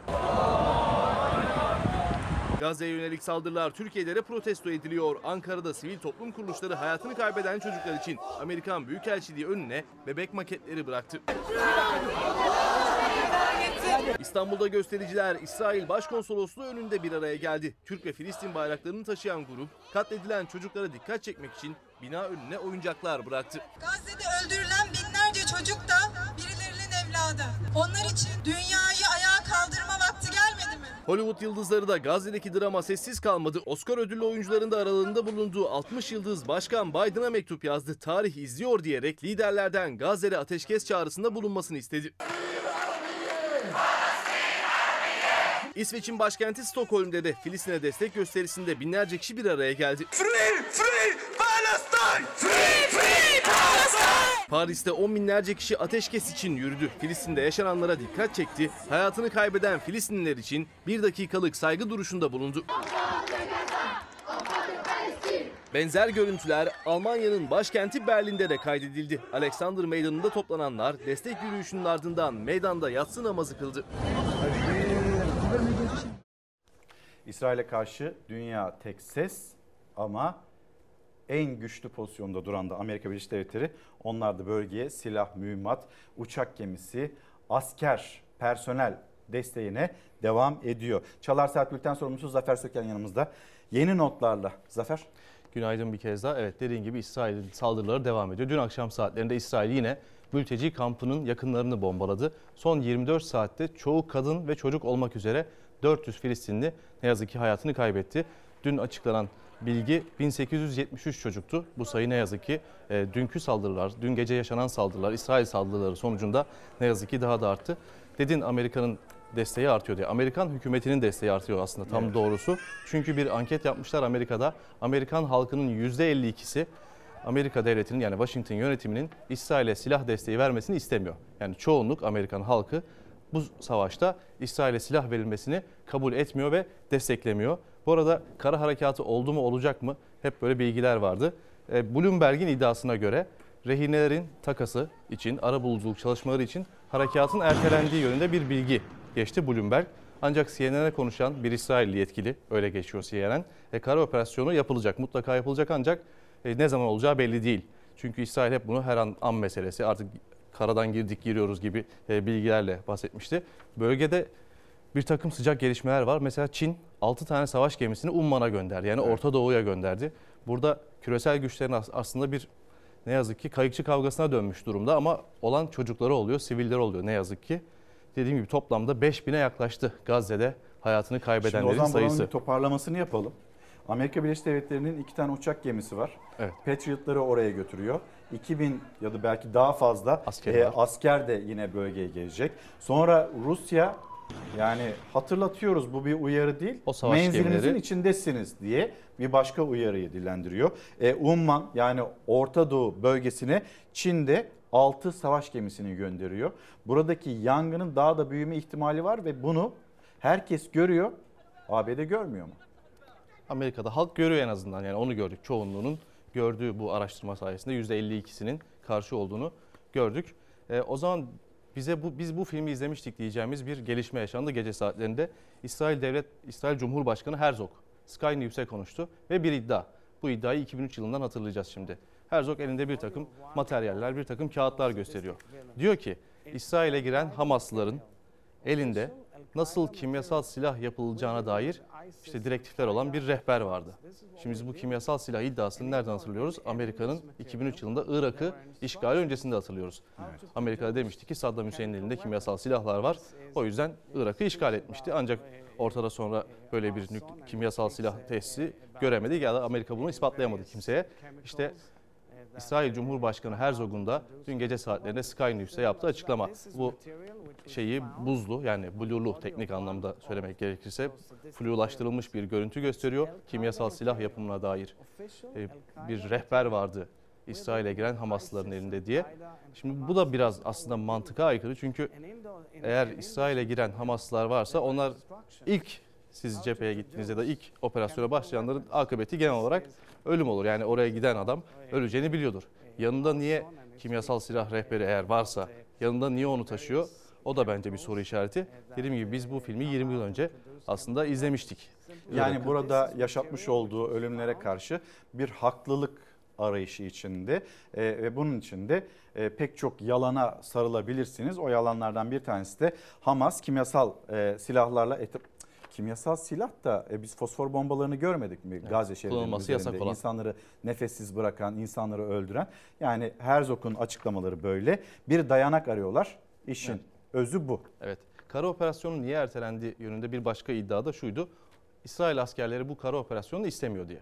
Şimdi bunu destekleyecek bir görüntü geldi. Netanyahu askeri üssü ziyareti sırasında bir İsrailli asker Netanyahu'ya seslendi. İşte bu asker bağırıyor. Netanyahu'ya diyor ki bütün bu saldırıların sebebi sizsiniz. Arkadaşlarım sizin yüzünüzden öldü. İsrail'i mahvettiniz. Bu işte komutanının uzaklaştırdığı asker. Netanyahu'ya sesini duyurmaya çalışıyor. Tabii duyurabildi mi bilmiyorum ya da duysa da Netanyahu buna ne tepki verir ondan da emin değilim. Ancak işte bir İsrailli askerin sizin yüzünüzden arkadaşlarım öldü. İsrail'i siz mahvettiniz. Siz sabote ettiniz devleti. Ee, sesi de böyle kameralara yansımış. O yüzden İsrail askerlerinin bu kara harekatına isteksizlik e, bilgileri de geliyordu. Bu da bir e, görüntüsü gelmiş oldu ilk kez belgelenmiş oldu. Yani en azından bir tane belki münferit ya da değil bilmiyoruz ama e, bir İsrail askerin Netanyahu'ya başbakan İsrail Başbakanı Netanyahu'ya yönelik doğrudan açıktan tepkisi. O zaman nispeten iyi bir haber vermek istiyorum. E, Bir çocuk Muhammed Ebu Luli. Evet. İşte bu kardeşimiz. El Ehli Hastanesi'nin bombalanmasına uykusunda yakalanmıştı o. O bomba sesleriyle Evet. uyanmıştı ve şoka girmişti. İşte Tam konuşamadı. ekran verelim mi bu evladı? Bir doktor sarıldıktan sonra ve tuttuğu gözyaşları doktorun sarılmasıyla birlikte boşalmıştı. Bu şekilde hepimizin hafızasına kazınan bir görüntü olmuştu. En azından vicdanı olanların çok etkilendiği bir görüntüydü. Ee, Muhammed Ebu Luli'yi ailesiyle beraber Gazze'de bir mülteci kampında e, görüntülemiş bir gazeteci. Kendisi iyi. Dediğim gibi nispeten iyi. Tabii tüm dünyadaki çocukların e, yaşadığı gibi evinde güvenle yaşayamıyor. Ya da İsrail'in bu mülteci kampını bombalayıp bombalamayacağı da meşhur. Çünkü dün bombaladı oradan biliyoruz. Ancak şu an en azından o ilk 17 Ekim'deki saldırıya göre yani şu haline göre en azından gülümsüyor. Mümkün olduğunca gülümsüyor. Biraz olsun belki içimizi e, rahatlatmıştır diyelim. Ancak İsrail'in insanlık dramı yani İsrail vahşetiyle yaşanan insanlık dramı devam ediyor. Mesela 130 tane bebek, prematüre bebek yani erken doğmuş bebek işte ne yazık ki ölümle burun buruna haberi de vardı istersen. İzleyelim. O zaman haberimiz de gelsin ekranlara. Bir yandan da e, Türkiye'den 20 uzman hekim e, Gazze'ye e, gidiyor ve orada e, çocuklar için, kadınlar için, siviller için orada insanlar ve insanlık hayatta kalabilsin diye onlar da böyle bir mücadelenin içinde olacaklar. Maalesef Gazze'de insanlık dramı yaşanıyor. Abluka altındaki Gazze'de insanlık dramı büyüyor. Yakıt yetersizliği nedeniyle jeneratörlerin çalıştırılmasında sıkıntı yaşayan hastanelerde 130 prematüre bebek ölüm tehdidi altında. İsrail'in Gazze'de elektrik kesmesiyle hastanelerde korku dolu bekleyiş başladı. Çünkü çoğu cihaz jeneratörle çalışıyor. Ancak yakıt stokları da bitmek üzere. Savaşın kanlı yüzünün en küçük tanıkları da prematüre bebekler. Onlar cihazlara bağlı yaşıyor. Anne karnında olmaları gerekirken erken doğan bebeklerin her anı takip ediliyor. Müdahale gerektiği an Gazze'deki imkanlar dahilinde müdahale ediliyor. Yakıt sıkıntısı ise en çok onlar için tehlikeli. Gazze'deki Sağlık Bakanlığı akaryakıt istasyonu sahiplerini ve elinde az miktarda olsa yakıt bulunanları hastanelere bağış yapmaya çağırdı. Birleşmiş Milletler Gazze'deki hastanelerde en fazla 3 günlük yakıt kaldığını duyurdu. Gazze'de yaşanan durumun felaket olduğuna dikkat çekti. Dünyanın Gazze için daha fazlasını yapması gerektiğini savunarak ateşkes talep etti. Kaşir, lo, İsrail'de ise Başbakan Netanyahu'ya yönelik tepkiler artıyor. İsrailli rehinelerin aileleri Tel Aviv'deki Savunma Bakanlığı binası önünde toplandı. Göstericiler Netanyahu'yu alın, bize çocuklarımızı verin sloganları attı. Başbakanın istifasını istedi. İsrailli muhalif bir grupta Netanyahu'yu Aksa tufanı ile ilgili sorumluluktan kaçmak için delilleri ve belgeleri yok etmekle suçladı. Bölgede ateşkes için çabalar sürüyor. Mısır'ın ev sahipliği yaptığı Kahire Barış Zirvesi düzenlendi. Türkiye'yi Dışişleri Bakanı Hakan Fidan'ın temsil ettiği zirveye Avrupalı ve Arap liderler katıldı. Zirve sonunda ortak bir bildiri üzerinde anlaşma sağlanamadı. Bölgede tansiyon yüksek. İsrail Başbakanı Netanyahu, Lübnan sınırında Hizbullah'la süren çatışmalarla ilgili konuştu. Gazze Savaşı'nın İsrail için ölüm kalım meselesi olduğunu savundu. İsrail'le savaşa girerlerse büyük bir yıkım olacak diyerek Hizbullah'ı uyardı. Suriye'de İsrail'in Şam ve Halep havalimanına saldırdığını öne sürdü. İki havalimanının da kullanılamaz hale geldiği duyuruldu. Dünyadan başka notlar da var. Yeni gelişmeler. Onlar da yine Zafer Söken'de. Evet Amerika Birleşik Devletleri'nde e, çok alevli ve ölümlü bir kaza yaşandı. Bir jet yakıtı taşıyan tanker önündeki iki araca çarpıyor. Alevler bütün otoyolu kaplıyor bu görüntülerde. Hatta önce anlamadık kaç tane araç var, kaç tane yok diye. Yangın söndürüldükten sonra tanker dahil 3 aracın karıştığı bir kaza olduğu ortaya çıktı. Bu kazanın neticesinde iki kişi ölmüş, bir kişi de ağır yaralanmış o üç araçta bulunan. Bu da bir diğer açısı yani otoyolun öbür tarafından gelen e, bir sürücünün kaydettiği görüntüler. Bu da yangının hemen işte kazanın ve yangının ardından yaşanan yangının hemen sonrası. İşte tanker önündeki araca, o da önündeki araca çarpmış. Bu alevler nedeniyle bölgede yaşayan yani o otoyolun kenarındaki evlerde yaşayan insanlar da evlerinden tahliye edilmiş. Çünkü jet yakıtını söndürmek de kolay olmadığı için Allah korusun o yangın daha da büyüyebilir, evlere sıçrayabilir diye evlerinden de insanlar tedbir amacıyla tahliye edilmiş ancak görüntülerde de var. O yangın çok da büyümeden bu yangın söndürülmüş Amerika Birleşik Devletleri'nde. Oradan Bangladeş'e geçelim birkaç kaza haberi var. Bangladeş'te 4 işçi uzun büyük ihtimal mesainin ardından yorulmuşlar. Ee, bu iş aracının yani bir kamyon benzeri bir iş makinesinin içinde uyuyorlar şoför dahil. Şoför dahil uyuyunca ne yazık ki işte kaza yaşanıyor. Arkasında yaşanan görüntüler biraz rahatsız edici. O yüzden burada bıraktık. Ancak e, dördü de yaralanmış. Özellikle arkada oturan bir tanesi ve arkada ortada oturan bir tanesinin emniyet kemeri yok. En çok da o bu kaza neticesinde e, zarar gören kişi olmuş. İşte uyumanın, şoförün yanında uyumanın da tehlikeli olduğunu bir kez daha hatırlatmak gerekir. O zaman bizlere zaman zaman trafik sıkıştığında bunu yapanlar var. Emniyet şeridine girip ilerleyenler, kendileri bir an önce işte gitmek isteyenler ama kuralları hiçe sayanlar. İşte onlardan biri de burada işte emniyet şeridine giriyor ancak yoldaki o boşluğu görmeyince kendisi yana doğru, yolun yanına doğru hemen o refüje doğru devriliyor. O biraz hızlı gitmek istiyor ama başarılı olamıyor. O zaman yine uzak doğuya gidelim. Bir motosikletli yolda ilerliyor. Yolda bariyerler var. Burada bir iş makinesi var. Şimdi bu motosiklette o bariyerleri görmüyor. Dalgınlıkla ve onlara çarpıp takla atıyor. Şimdi bir daha gelecek görüntü. O neden nasıl görmüyor ya da başka bir şeye mi bakıyordu yolda dikkatini dağıtacak bir unsur mu Telefona vardı? bakıyor sanki. Telefon da olabilir. Yani İlk dikkati- önce de elinden o telefon fırlıyor. Evet ağır, ağır yaralanmış. İşte o dikkatsizliğin bedeli e, ağır yaralı. Bir başka bir motosiklet görüntüsü daha var. Brezilya'da kaydedilen bir görüntü. İki kadın işte motosikletten düşüyorlar. Motosikletle beraber motosiklet de düşüyor. Motosiklet ağır. Kaldıramıyorlar. Kendilerine çok iyi niyetli bir şekilde bir adam geliyor yardım ediyor motosikleti kaldırmak için. Niyeti iyi. Bir iyilik yapıyor. Ancak iyilik yapıp denize atıyor. Yani iyilik yap denize at derler ya iyilik yapıp e, o motoru kaldırmak isterken gaza basıyor. Gaza da basınca motosiklet hemen işte gördüğümüz gibi tam bu sırada e, denize uçuyor ve motosiklette oluşan hasarın görüntüsü şimdi ekrana gelecek. Bir iyilik yapmaya çalışmış ama e, ne yazık ki o iyilik pek de iyi bitmemiş. İşte motosiklet bu şekilde hasar almış. Tabii denize girdiği için diğer elektronik aksamlarında da hasar olması çok mümkün. Ancak iyilik yapıp denize atınca burada iyi sonuçlanmamış en azından öyle diyebiliriz. Hafta sonunda da İngiltere ve İskoçya'da Babet fırtınası vardı. Ee, bu fırtına nedeniyle su baskınları da yaşandı ve 3 kişi yani farklı farklı kentlerde toplamda 3 kişinin hayatını kaybettiğine dair bilgiler geldi. Bu fırtınada iki enteresan görüntü var. İlki bir ormanda kaydediliyor. Bir adam İskoçya'da Mugdok kent ormanında köpeğiyle beraber yürüyüş yapıyor. Yürüyüş yaparken çok enteresan bir doğa olayına e, denk geliyor. Ormanın zemini deniz gibi dalgalanıyor. Nasıl? Şimdi o kadar ilginç ki yani ben de ilk başta anlam veremedim. Bu görüntüler geldi. Hatta İrfan'dan rica ederim tam ekran görelim bunları. Rüzgar ya ve fırtına nedeniyle işte ağaçlar köküyle beraber bitki örtüsünün bir kısmını kapladığı için orası o yani bitki örtüsü ormanın zeminindeki bitki örtüsü adeta deniz gibi dalgalanıyor. Yani yer yerinden kalkıyor. Yer yerinden oynamıyor da yer yerinden kalkıyor gibi bir görüntü. Şimdi köpek de var. Köpeğin olduğu alan da işte ekrana geldi. Orası da kalkıyor.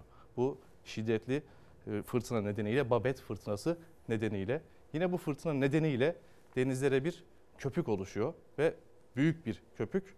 O köpüğün en azından tadını çıkaran iki dostumuz var. Bu iki köpek o köpüklerin biraz olsun tadını çıkarmış ancak fırtına nedeniyle yaşanan o köpüğün ne kadar büyük, ne kadar yoğun olduğunu da e, gösteren bir görüntü. Burası da yine İngiltere. Yani hem İskoçya hem İngiltere bu fırtınadan etkilenmişti. Bu köpeklerin olduğu görüntü İngiltere'de. O zaman Karayipler'de de okyanusları temiz tutmak için e, kar amacı gütmeyen bir sivil toplum kuruluşu var. Ocean Cleanup diye. Onlar bir teknoloji geliştirmişler. Karayip'te bir nehir yatağına bariyer kurmuşlar. İşte o nehirler üzerinden okyanuslara gidecek çöpleri engellemek adına. Ve 5 ayda işte bu çöpler normalde nehir vasıtasıyla akıp okyanuslara karışacak. Oradaki canlıların hayatını tehlikeye atacaktı. 5 ayda sadece 3 milyon ton, 3 milyon ton çöp bu vasıtayla toplanmış ve ardından orada toplanınca iş makineleriyle de o çöpler tekrar e, sudan ayrılıp daha ziyade temiz olan su tekrar okyanusa kavuşturulmuş. Bu da aslında e, deniz kirliliği, okyanus kirliliği ile mücadele açısından önemli bir teknolojik gelişme. O zaman buradan Kanada'ya gidelim. Gidelim. Biraz belki bize nefes olduracak görüntüler, aldıracak görüntüler. İşte Kanada'da iki geyik. Şimdi geyiklerin kavgasına zaman zaman şahitlik ederiz özellikle belgesel izleyenler. Bunlar çok da iyi sonuçlanmayabiliyor hatta. Bu iki geyik sürünün liderliği için olabilir. Belki bir başka dişi geyik için olabilir. Bir kavgaya tutuşmuşlar. Boynuzları birbirine girmiş. Ve araya bir de ağaç girmiş. Yani ağacın etrafında e, kavga ederken ikisi birbirine kenetlenmiş kalmış. Ayrılamıyorlar. Artık öfkeleri geçti büyük ihtimal ama ayrılamıyorlar. Onların imdadına işte yürüyüş yapan, ormanda yürüyüş yapan iki kişi yetişiyor ve onları ayırıyorlar ve ayır ayırmaz kaçıyorlar tabii. Çünkü geyikler zaten öfkeliymiş, kavga ettiklerinden belli ve sıkılmış da olabilirler tabii. E, kendilerine saldırmasın diye hemen de ayrılmışlar. İkisi de kendi yollarına gitmiş bu ayırmanın ardından buradan da son olarak Amerika Birleşik Devletleri Mississippi'ye gidelim. Bir bebek henüz 1-2 yaşlarında bir bebek akvaryuma gidiyor. Bir Yunus'la tanışıyor. Yunus da onunla tanışıyor. Çok Ve güzel. çok da memnun oluyor bu tanışmadan Yunus. Ona bir takım böyle hünerlerini gösteriyor. Onu selamlıyor. İkisinin başlayan bir dostluğu var. Bu da en azından bizi biraz olsun gülümsetsin bugünden de diye. Zafer Söken çok teşekkürler. Hem dünyanın notları hem de e, Gazze'de olup bitenler bu notlarla geldi Çalar Saat'te. Şimdi e, biz de Boğaz'da yaşanan bir panik anıyla devam edeceğiz. Bir cisim görüntülendi denizin yüzeyinde ve o görüntülenen cisim de mayına benzetilince Boğaz'da panik yaşandı. Güneşli pazar gününde boğazın tadını çıkaranlar mayın sandıkları bu cismi görünce büyük panik yaşadı. İstanbul'da Emirgan sahilinde yaşandı panik anları. Boğaz'da yürüyüş yapanlar ve balık tutanlar hemen kıyıda bu cismi gördü. Rusya-Ukrayna savaşı nedeniyle sürüklenen bir mayın olduğunu düşündüler. Hemen durumu sahil güvenlik ve kıyı emniyetine bildirdiler. İhbar üzerine olay yerine gelen ekipler cismi muhafaza altına aldı inceleme başlattı. Yapılan inceleme sonrası o cismin gemilerin çarpmaması için kıyıya konulan Tonos şamandırası olduğu ortaya çıktı. Herkes rahat bir nefes aldı. Efendim şimdi yine memleketten haberlerimize devam ediyoruz. Yerel gazetelere dönelim. Yönetmenimizden İrfan'dan ben bir rica edeyim. Yerel gazeteler bazı illere uğradık. Şimdi diğer illerimize gidelim. Ee, Çanakkale'yi okuduk. İstanbul az önce bunun haberini paylaştık bir kez daha söyleyelim. İstanbul'dan göç akını 5 yılda 2.2 milyon kişi biz bu şehirde yaşayamıyoruz. Biz bu şehirde nefes alamıyoruz. Biz bu şehirde geçinemiyoruz diyerek ayrıldı. Onlar gitti, yabancılar geldi. Sonra Kütahya, Kütahya Dumlupınar gazetesi can yakan rapor. İş Sağlığı ve Güvenli Güvenliği Merkezi tarafından yayınlanan rapora göre ülkemizde 2023'ün ilk 9 ayında 1409 işçi iş kazalarında hayatını kaybetti. Kütahya'da ise bu dönemde 6 işçi hayatını kaybederken yaşanan iş kazaları iş sağlığı ve güvenliğinin önemini bir kez daha gündeme getirdi. Van sesi, Van'a gidelim. Van olası depreme hazır değil. 23 Ekim 2011 yılında meydana gelen 7,2 büyüklüğündeki depremin üzerinden 12 yıl geçmesine rağmen bu zamana kadar gerekli önlemler alınamadı deniliyor. Van içinde bu bölge içinde uyarılar devam ediyor. Birazdan yine Malatya, Malatya'dan da seçmiş olduğumuz haberler var. Yalnız sıradaki haberimiz bugün belki de en çok konuşulacak olan haber olacak. Bir bekçi, bir polis gözaltı işlemi uygulayacaklar ama öyle bir gözaltı işlemi uyguluyorlar ki orada e, valiliğin, emniyetin, herkesin tepkisine sebep olabilecek bir durum karşımıza çıkıyor. İşte o haber. Biri polis, diğeri bekçi. Bileklerine kelepçeyi takıp karakola götürmeleri gerekiyordu şüpheliyi ama onlar şahsı sokak ortasında öldüresiye dövdü. İzmir, Çiğli'de motosikletle seyir halinde olan iki kişiyi çevirmek istedi polis. Ancak sürücü dur ihtarına uymadı, takip başladı. Sürücüyü yakalayıp polisin ve bekçinin onu darp ettiği anları bir vatandaş cep telefonu kamerasıyla görüntüledi. Şüpheli şahıs silahsızdı, yanında kimse yoktu. Polis memuru HG ve bekçi SD'nin tekmelerinin yumruklarına maruz kaldı. Bekçi bir süre sonra yere fırlattı şahsı. Polis hırsını alamadı. Defalarca öldüresi yumruklar atmaya devam etti. Valilik görüntülerin ardından fevri güç kullandıkları gerekçesiyle polisi ve bekçiyi açığa aldı. Ayakta bile duramayacak hale geldi adam. Sokak ortasında resmen işkence gördü. Polis ve bekçi hakkında adli ve idari soruşturma başlatıldı. Bu bir zulüm. Bu bir gaddarlık.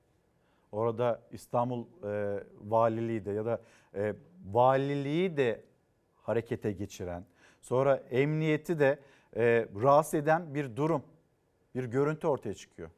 Göreviniz nedir? Almak, gözaltı işlemini uygulamak, sonrasında emniyete götürmek, sonrasında adliye çıkartmak. Nedir dakikalarca böylesine bir zulüm insanların üzerinde? Neyse ki gerekli merciler de sesini yükseltmişler de buna izin verilmemiş. Hem bekçi hem de polis açığa alınmış. Şimdi devam edelim. Yine bir e, dolandırıcılık iddiası, kara para aklama iddiası, sonra vergi kaçırma iddiası. Dilan Polat ve eşi peki nerede bu kişiler ifadelerine başvuruldu mu? Bir yandan da bu tartışma devam ediyor. Bu nasıl bir sinerji? Enerji. Tüm mal varlıklarına el kondu, yurt dışına çıkış yasağı getirildi.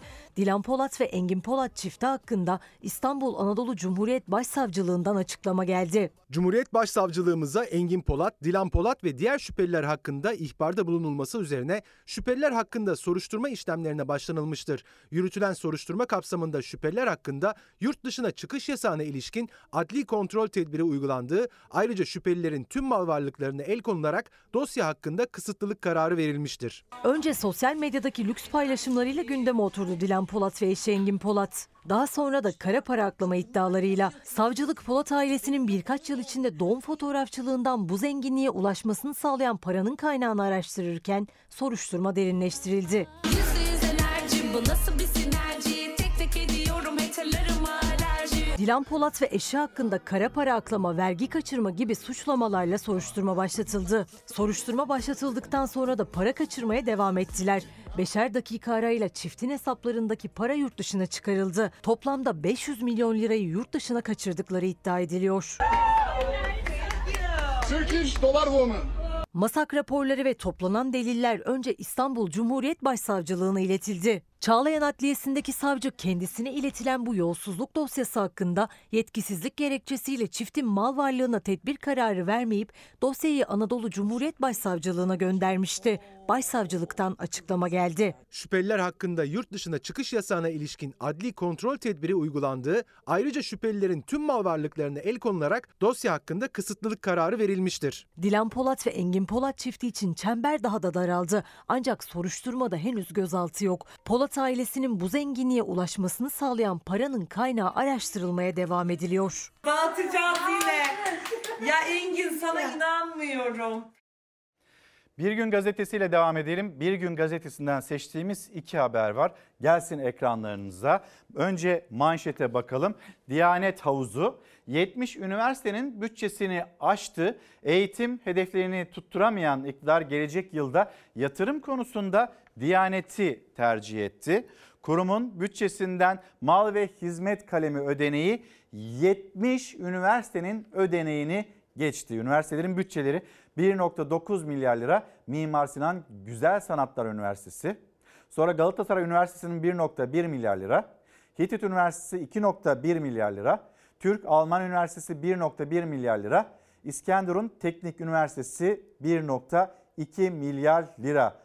Ama Diyanet'in havuzu iktidar eğitime, bilime, yatırım yerine Diyanet'e kaynak aktarım, aktarmayı sürdürüyor. 2024 yılı için yaklaşık 92 milyar lira bütçe teklif edilen Diyanet İşleri Başkanlığı'nın mal ve hizmet alımı kalemi sadece mal ve hizmet alımı kalemi yaklaşık 2.5 milyar lira olarak kaydedildi. Sonra bir haber daha bugün artık karar bekleniyor. Sanıklar ağır ceza almalı. Kim? Hiranur Vakfı kurucusu Yusuf Ziya Gümüşer'in kızı HKG'yi 6 yaşında evlendirmesine ve istismara yol açmasına ilişkin davaya bugün devam edilecek. Duruşmada bugün karar çıkması bekleniyor. Destek çağrısı yapan kadın örgütleri sanıkların en büyük cezayı almasını istedi. Gelelim Karar Gazetesi. Karar Gazetesi'nden seçtiğimiz ikinci haberi de e, paylaşalım. Yeni bir dolandırıcılık sistemi var özellikle İstanbul'da. Lütfen dikkatli olun. Sahtekarların yeni tuzağı QR koduyla kurduğunu anlıyoruz. Dolandırıcılar sınır tanımıyor. İstanbul'un birçok noktasında park halindeki araçlara üzerinde sahte İBB ve İspark logoları bulunan ve park borcunuzu ödemek için QR kodu taratınız yazan etiketler yapıştırılıyor. Siz burada QR kodunu okuttuğunuzda cep telefonunuzda böyle bir tanımlama yaptığınızda işte o anda da dolandırılmış oluyorsunuz. Sabah kalktığımızda gördüğümüz manzara bu.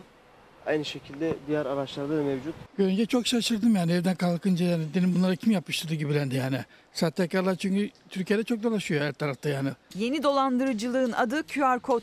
Park halindeki araçlara sahte İspark logolu QR kodlar yapıştıran dolandırıcılar taratıldığı anda saniyeler içinde vatandaşların hesaplarını boşaltıp vurgun yapıyor. Yazıdan çıkarmışlar, yapıştırmışlar. %100 dolandırıcılık. Hani insanlarımız buna bile bile kanmasın.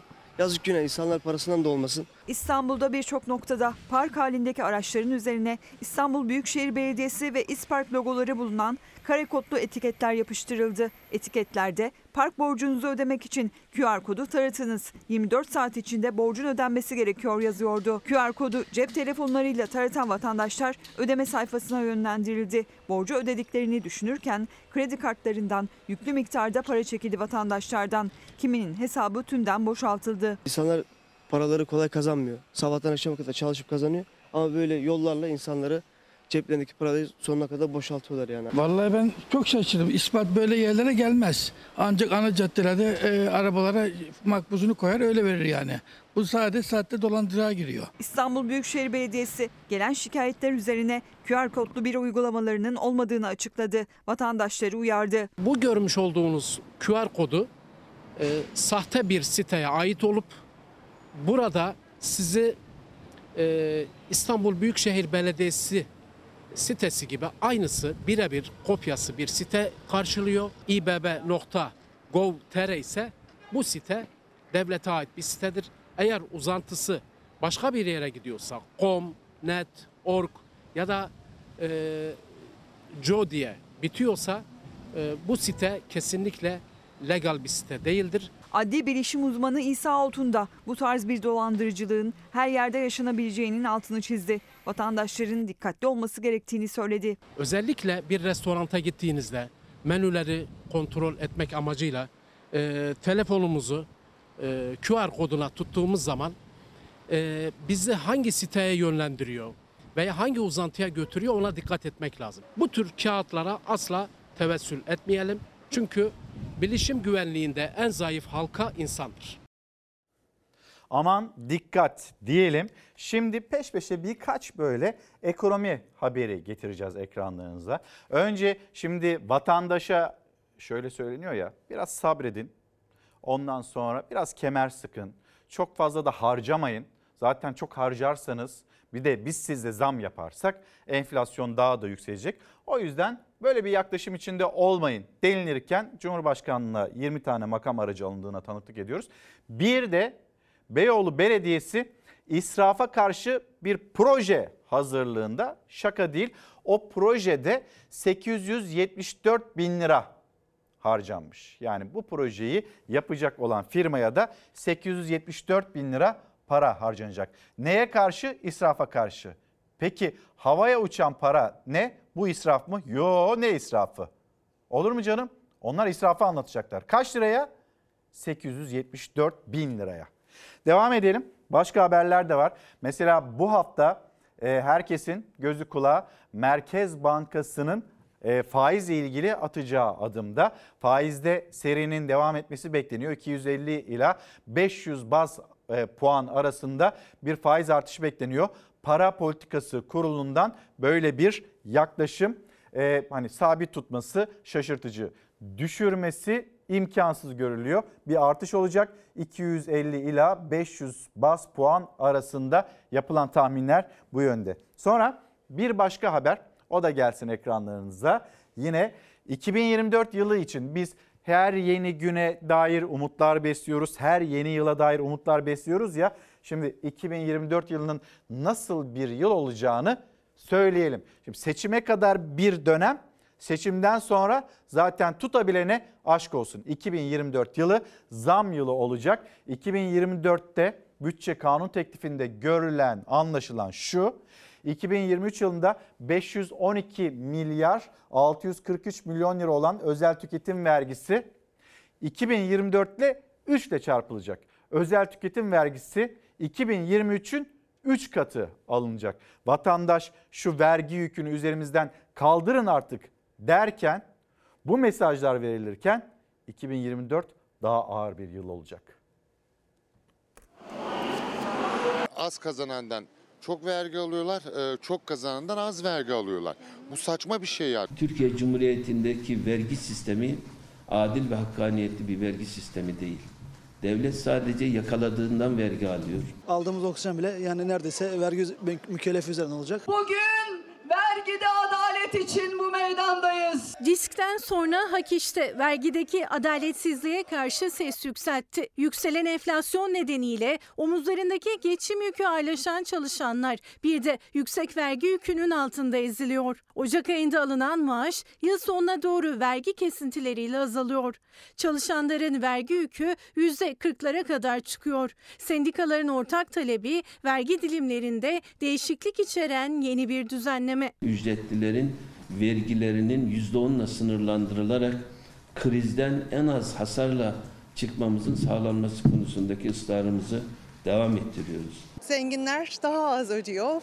Bir kısım zengin oldu, bir kısım fakir oldu. Arada bir dengesizlik var, uçurum var. Verginin aslında tavana yayılması lazım, tabana değil. Çünkü sadece tabandaki insanların üzerine basarak bu vergiler olmuyor. Hak İş çalışanın ödediği verginin %10'la sınırlandırılması konusunda ısrarcı. Disk'te gelir vergisinin ilk diliminin %10'la başlamasını, dilim sınırlarının güncellenip en fazla %35'e kadar çıkmasını talep ediyor. Biz aldığımız maaşın %90 neredeyse eriyor.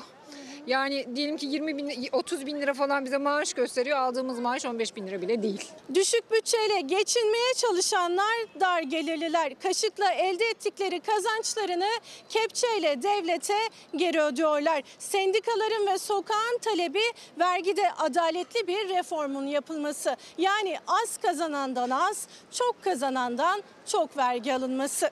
Özellikle çok kazanandan çok az kana- kazanandan az vergi alınan bir modeli e, ülkemize kazandırılmasını istiyoruz. Ülkemiz maalesef bir vergi cenneti oldu. Dolaylı vergilerin yükü herhalde şu an e, normal alınan vergilerin çok çok üzerinde. İngiltere'de yaşıyorum. Kıyaslanır gibi değil. Vergilerin burada çok ezici olduğunu biliyoruz. İngiltere'de nasıl?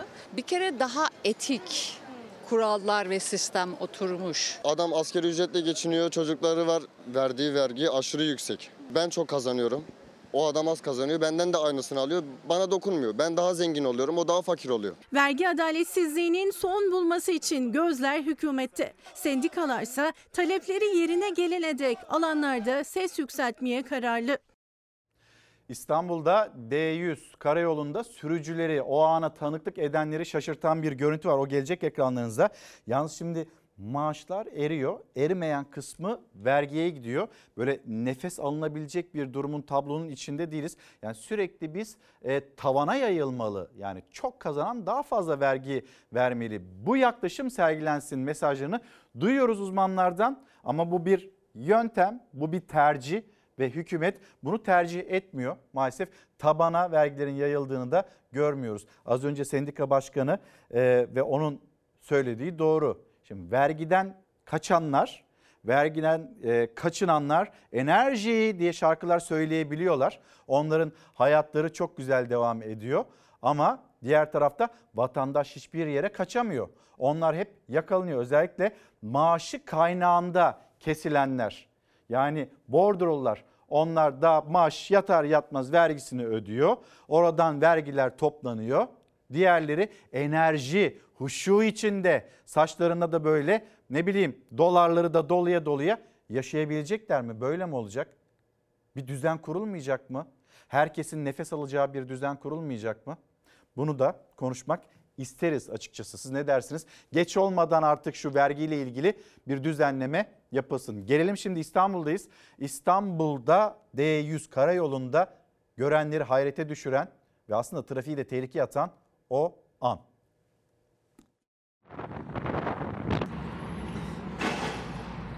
Metrelerce yolculuk yaptı yola fırlayan lastik şerit değiştirdi. Şiddetle defalarca bariyerlere çarptı. Kaza an meselesiydi.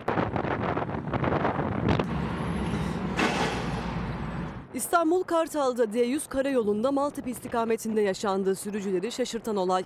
Yanlarından geçen onları sollayan bir araç değil lastikti. Çekiyor mu diye?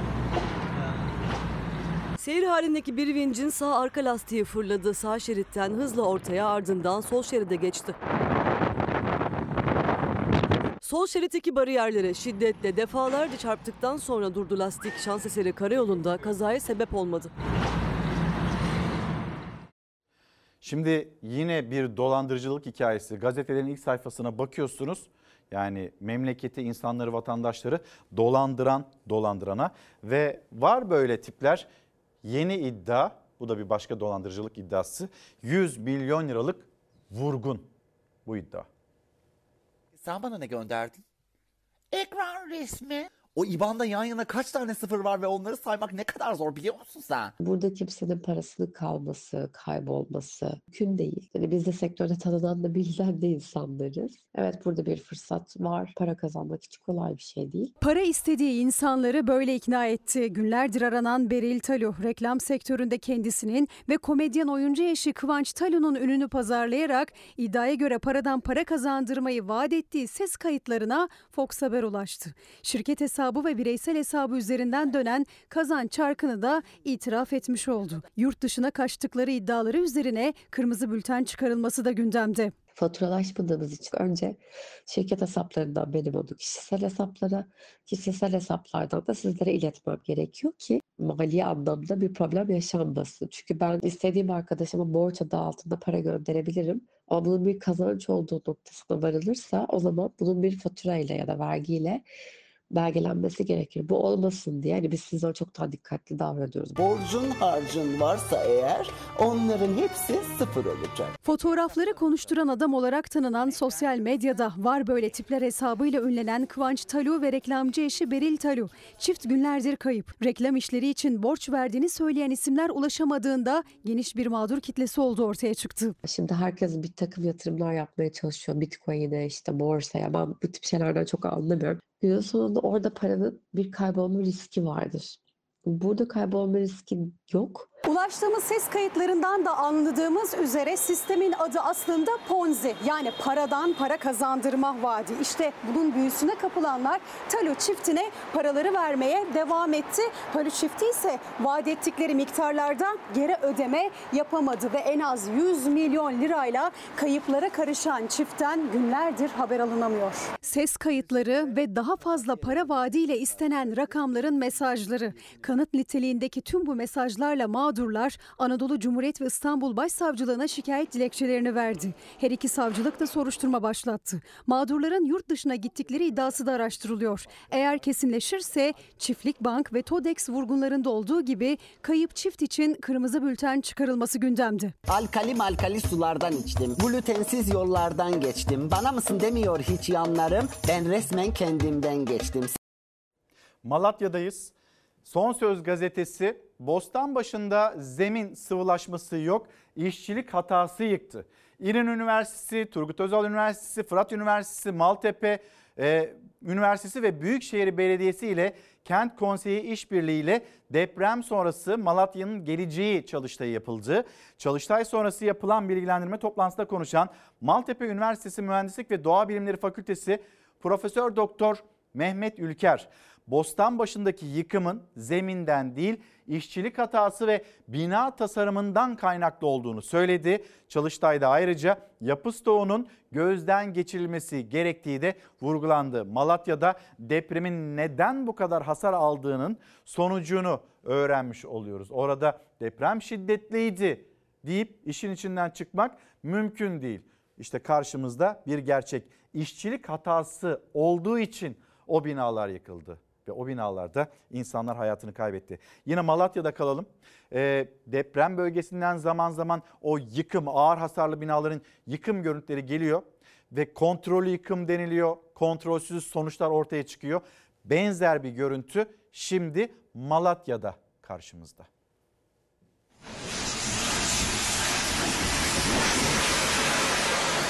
Deprem bölgesinde ağır hasarlı binaların yıkımı devam ediyor. Kontrollü olması gereken yıkımlarda yine kontrol kaybedildi. Bir bina vincin üstüne çöktü.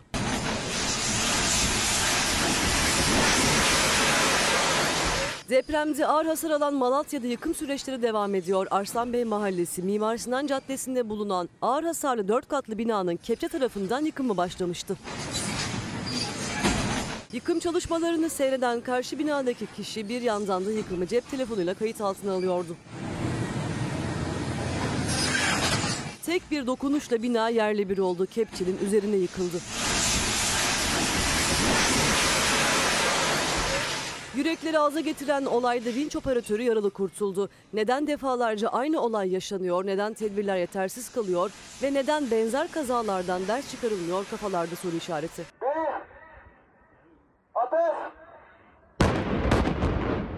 Malatya'da yıkımların sürdüğü diğer bir adres Yeşilyurt ilçesi oldu. Bostanbaşı mahallesinde ağır hasarlı 13 katlı bir bina patlatılarak yıkıldı.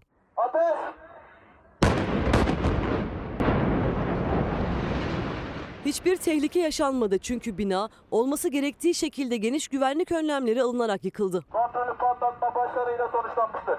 Binanın patlatılmasında tam 135 kilogram patlayıcı kullanıldı.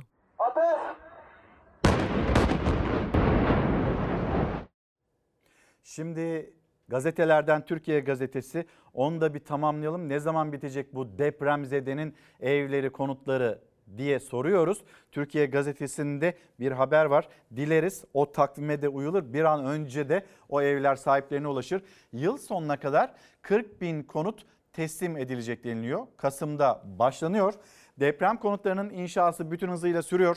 Deprem bölgesi olan 5 şehirdeki ilk teslimat Kasım ayında yapılacak. Yıl sonuna kadar toplam 40 bin konut depremzedelere teslim edilmiş olacak. Belki kaçıranlar vardır. Bir müjde işçiye. Neymiş o? Yani dram mı, müjde mi? Beraber konuşalım dediğimiz bir haberdi. İşçiye müjde başlığı altında Türkiye Gazetesi'nde yer alıyor. Hakimden çalışana ek iş izni. Geçim sıkıntısı çekenlerin ek bir işte çalışmasının önü resmen açıldı. Mahkeme işçinin ek iş yapmasını yasaklayan sözleşmeyi iptal etti. Geçinemiyorsanız ek bir iş yapabilirsiniz. İşte müjde bu. Ha ek iş yapıyorsanız emekli olarak bir de kayıt altındaysa size 5 bin lira veremeyiz. Onda bu hafta içinde Türkiye Büyük Millet Meclisi yasal bir zemine kavuşturacak. Türkiye Büyük Millet Meclisi bunu konuşacak. Peki Hazine ve Maliye Bakanı Mehmet Şimşek acaba nedir? Yeni açıklamaları biz 2024 yılında 3 kat daha fazla vergi ödeyeceğimizi biliyoruz. Özel tüketim vergisinde ama yatırımcılar da böyle yabancı yatırımcılar öyle ilgi gösteriyorlarmış ki Türkiye'ye Sayın Bakan da onu anlatıyor. Bakandan pembe tablo başlığımız. Son dönemde ülkemize yönelik yabancı yatırımcı ilgisi artmıştır.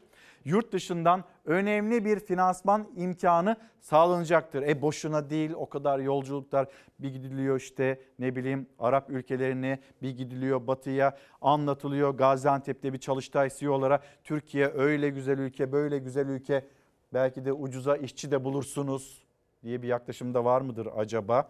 İşte pembe tablolar ve karşımızda yabancı yatırımcı için harika bir ülke olabilir. Çünkü hani Türk lirası değer kaybı, yabancının elindeki para onun ne kadar değerli oluşu memleketteki böyle varlıkları satın alma konusunda yabancılar şanslı olabilir. Bu ülkenin insanları peki onlar ne durumda? Evlerini kiralayanlar, ev sahipleri arasında yaşanan tartışmalar ne durumda diye soracak olursanız artık iş çığırından çıktı. Durumun özeti bu.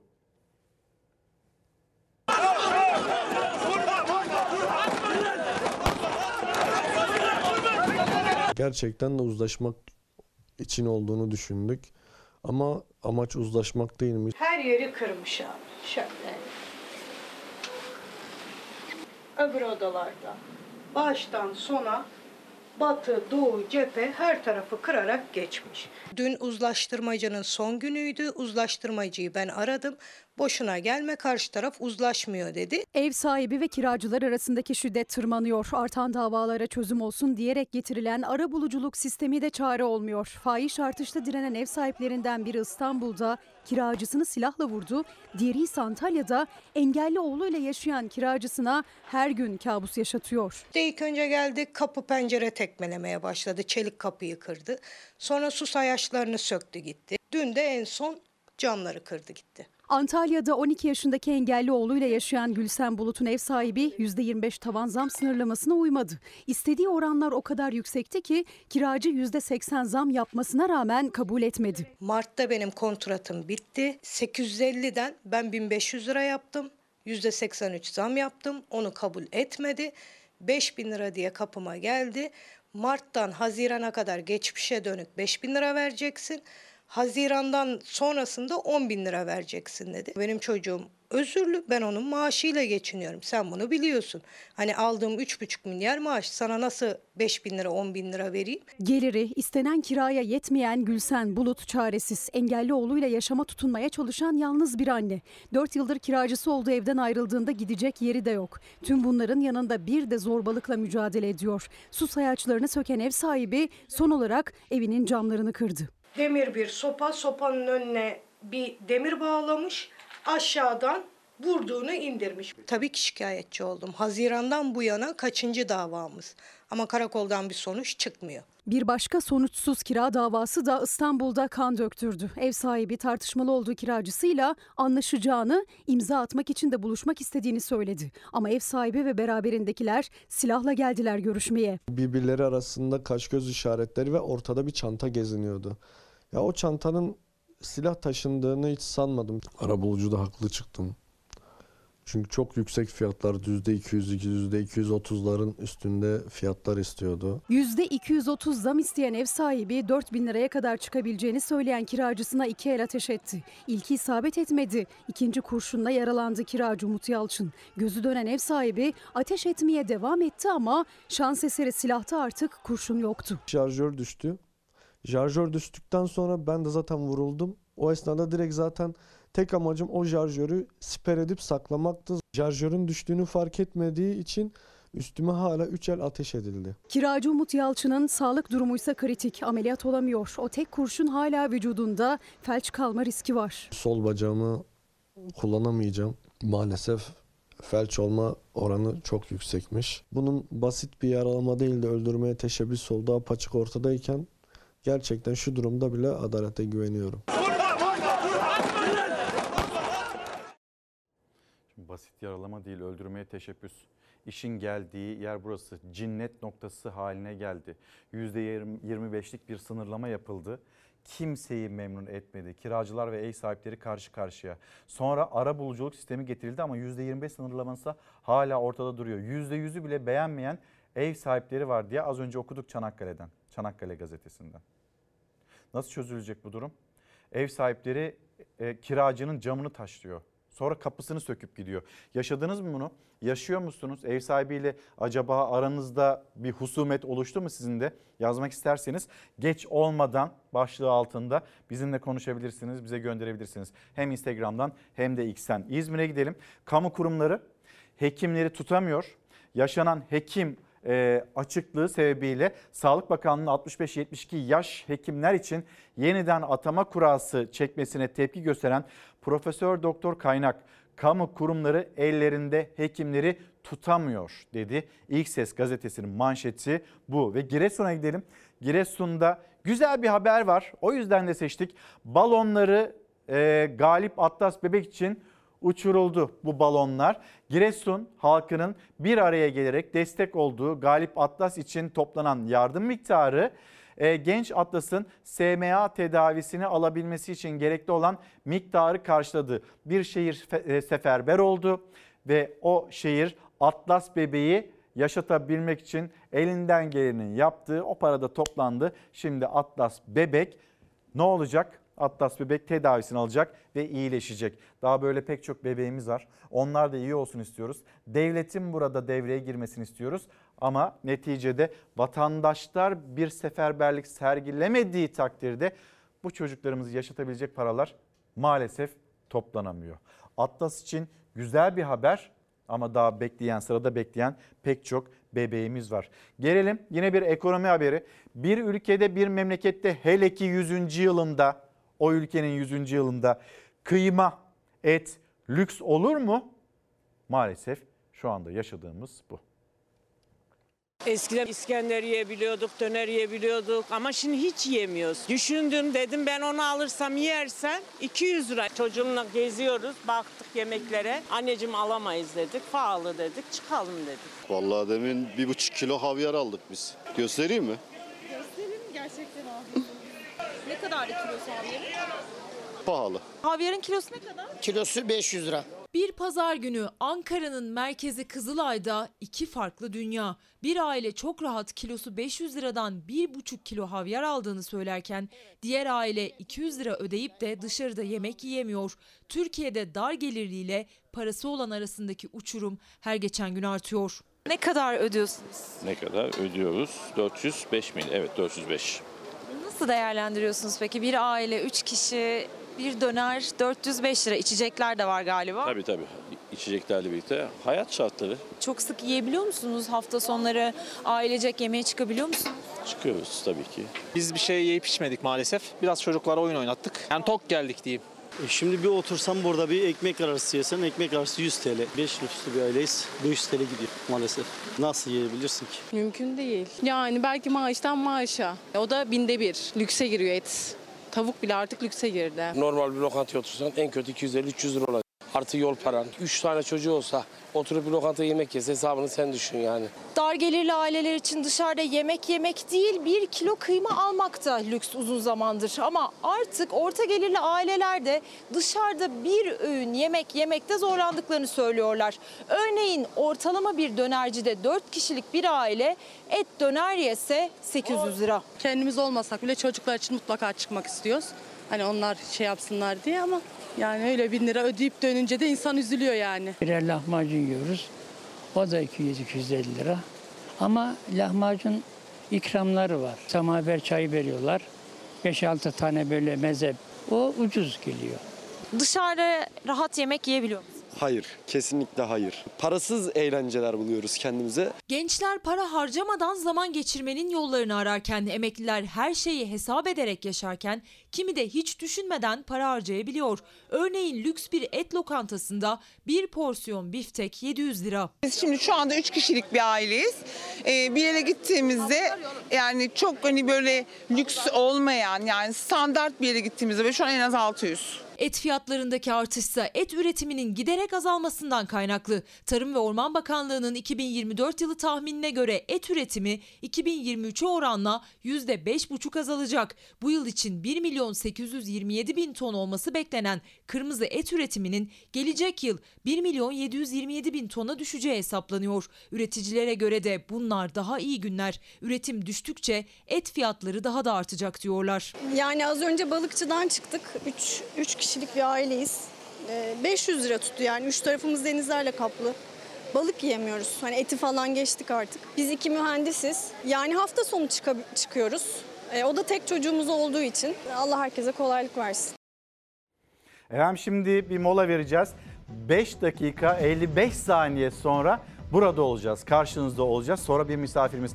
Tabii Çalar Saat'in son bölümünde marşlarla dönmek istiyoruz. Cumhuriyetimizin 100. yılı, 100. doğum günü ve bu kutlamaya marşlarla eşlik de edelim isteriz.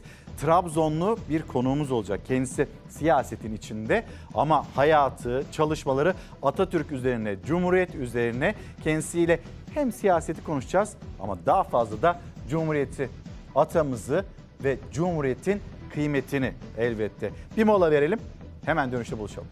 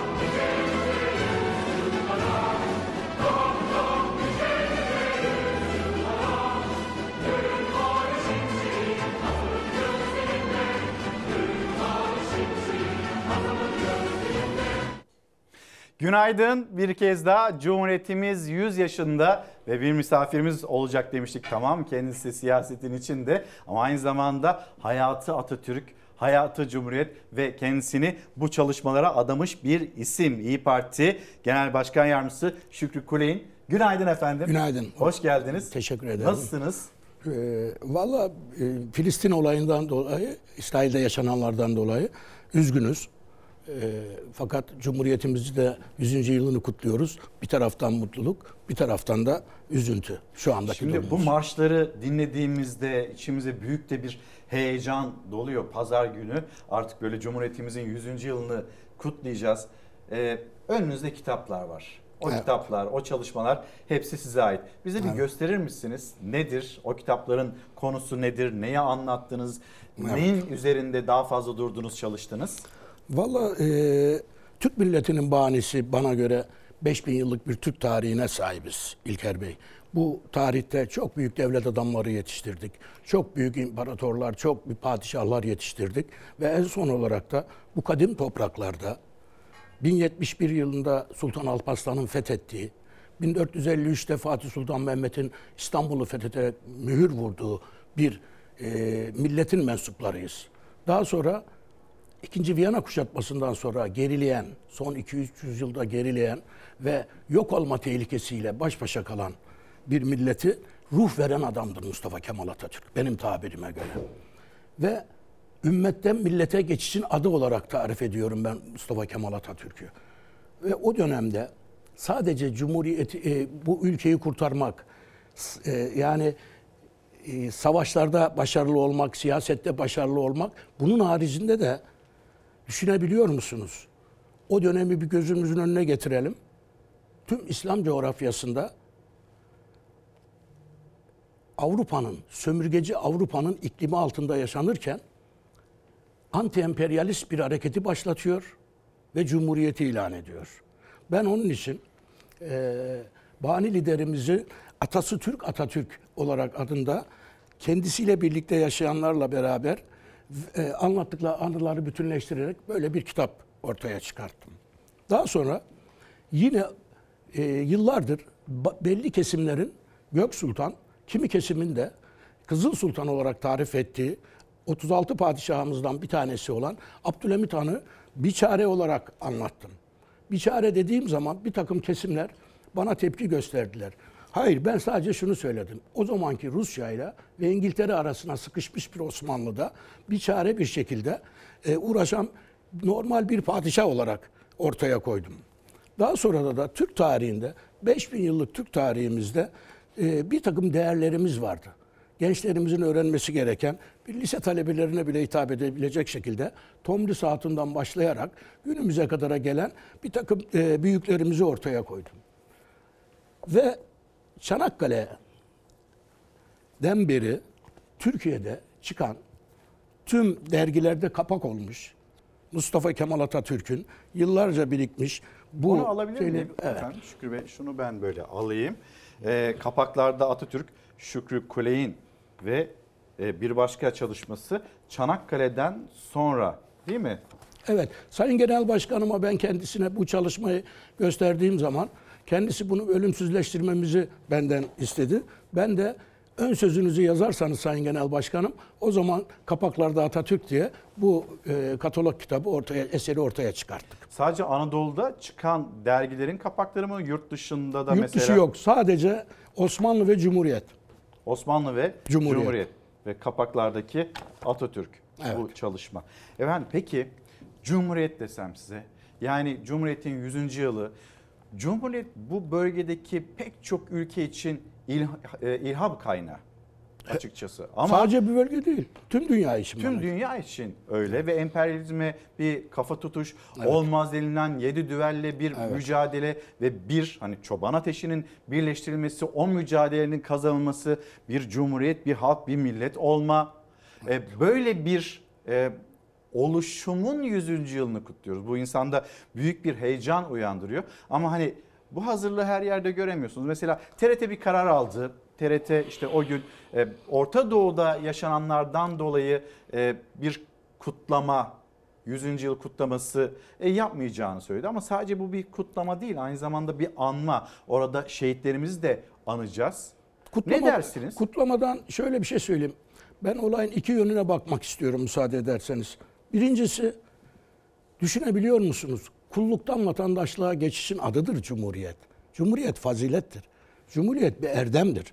Bugün son yüzyılımıza baktığımız zaman Ispartalı Süleyman Demirel'in, Malatyalı Turgut Özal'ın, efendim Kayserili Abdullah Gül'ün, Rizeli Recep Tayyip Erdoğan'ın başbakanlık ve cumhurbaşkanlığı yaptığı bir ülkedeyiz.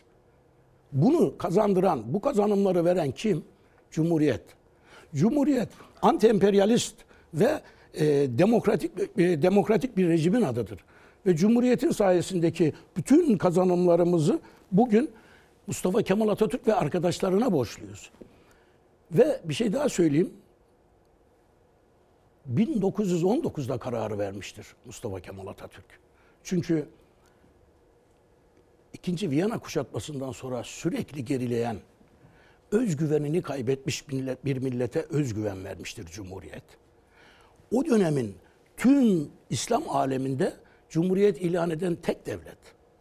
Şimdi böyle bir böyle bir e, kazanımı, böyle bir şeyi kutlamak, biz kutlamaktan ne anlıyoruz? Kutlamaktan ne anlıyoruz?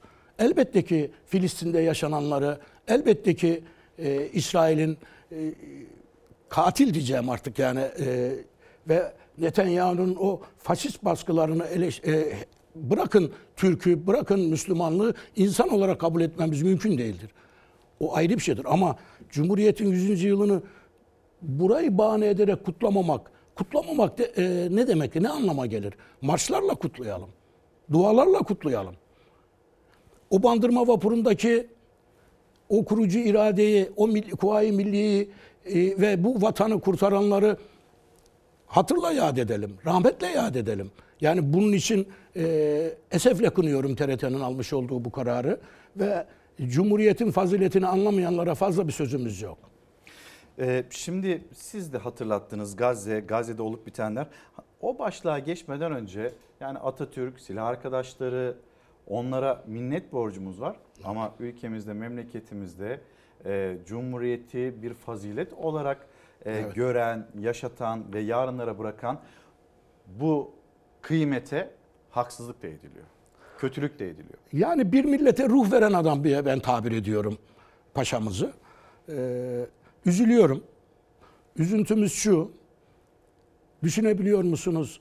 Balkanlardan, Balkanlardaki o felaketlerden, Orta Doğu'daki o ihanetlerden, Kafkaslardan e, gelen ve yılların ezilmişliği, yılların moral bozukluğu ve ve tüm geri kalmış ülkelerin Avrupa'nın veya Amerika'nın mandasına girmeye razı geldiği bir dönemde o milleti bir araya getirebilen, bir e, ulus yaratan ve ona bir ruh veren Mustafa Kemal Atatürk ve arkadaşlarını rahmetle yad etmemek bana göre Türk milletine ihanettir. Türklüğe ihanettir. Şimdi e, Türkiye'nin dört bir yanında hani Cumhuriyetimizi biz pazar günü kutlayacağız ama bu coşku çoktan başladı. Memleketten çok güzel görüntüler geldi. Evet. İsterseniz birlikte bir Biz de izleyelim. 28'inde kutlayacağız. Hem partimizin 6. yıl dönümünü hem de bir gün önce e, Atatürk Spor Salonu'nda Ankara'da tüm iyiler ailesi olarak hem partimizin yıl dönümünü hem de Cumhuriyetimizin 100. yıl dönümünü kutlayacağız efendim. Şimdi memleketten o kutlamalara bir bakalım. Ee, kimler nasıl kutladı, nerede kutladı o görüntüleri ekranlarınıza getirelim. Sonra da böyle biraz hem Orta Doğu'yu konuşalım, Gazze'nin yaşadıklarını bir de siyaset konuşalım.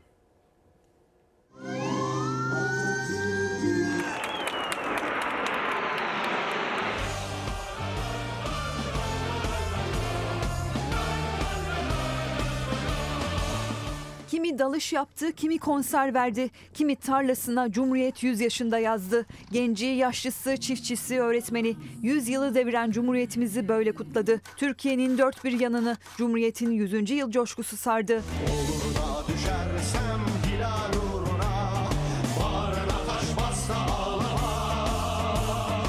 Türkiye'nin 100. doğum günü için artık geri sayımda Türkiye. Kutlamalar günler öncesinden başladı. 29 Ekim 1923'teki coşkuyla ve aynı ruhla Türkiye'nin birçok noktasında kutlama etkinliği düzenlendi. Yozgat Sorgunlu çiftçi Erdal Yeren, Kırklareli çiftçiler gibi tarlasına traktörle Cumhuriyet 100 yaşında yazdı. Teşekkür edenler, yazının çok güzel olduğunu söyleyenler inan iki gündür bayağı bir telefon aldım. Seviniyorsun tabii ki, mutlu oluyorsun.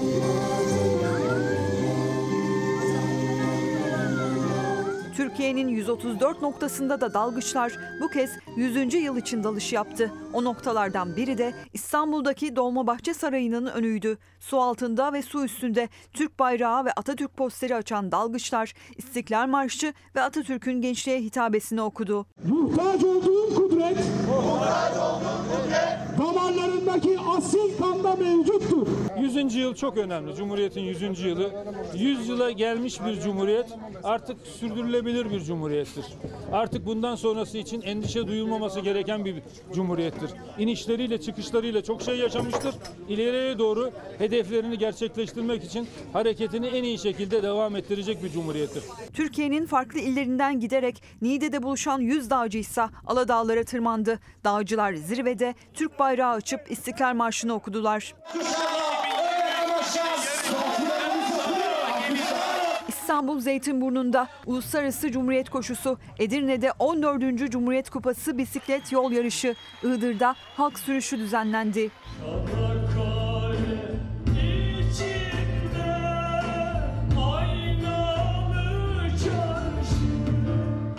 İstanbul'da özel bir okulun öğrencileri 100. yılı konserle kutladı. Aydın ve Malatya'da ilk ve ortaokul öğrencileri okul bahçelerinde koreografiler oluşturdular.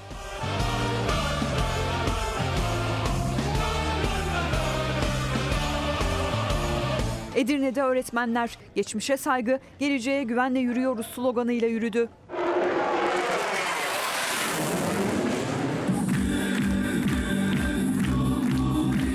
Muğla'nın Bodrum ilçesinde 100 kişi aynı anda çökertme türküsü eşliğinde zeybek oynadı. Solo Türk'te kutlamada gösteri yaptı.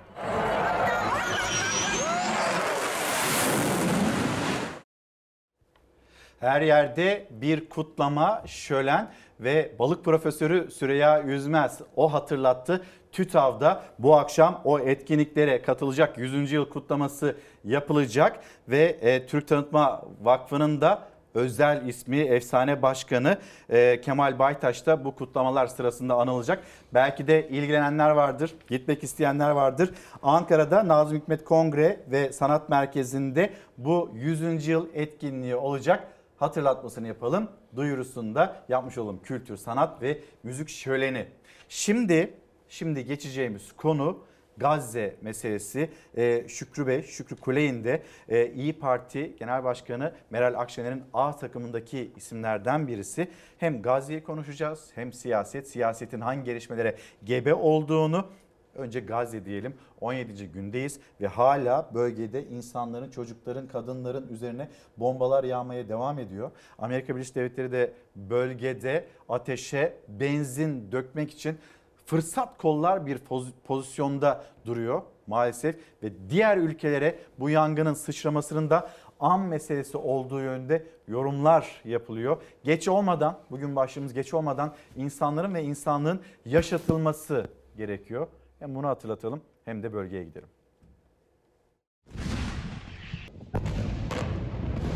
İsrail olası kara harekatı öncesinde Gazze'de sivillere yönelik bombardımanlarını ağırlaştırdı. Mülteci kampını evleri vurmaya devam etti. Son 24 saatte İsrail'in saldırılarında çoğu çocuk 400'den fazla Filistinli hayatını kaybetti.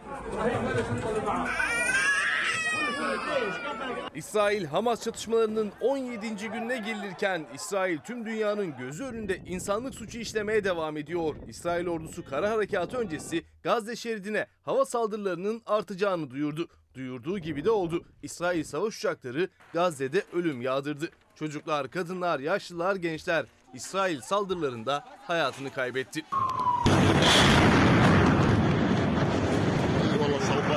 İsrail savaş uçakları bu gece boyunca da Gazze'de sivilleri vurdu. Gazze'deki Cebeliya, El Bureyç ve Nusayrat mülteci kampları da sivillerin yaşadığı evlerde İsrail'in hedefindeydi.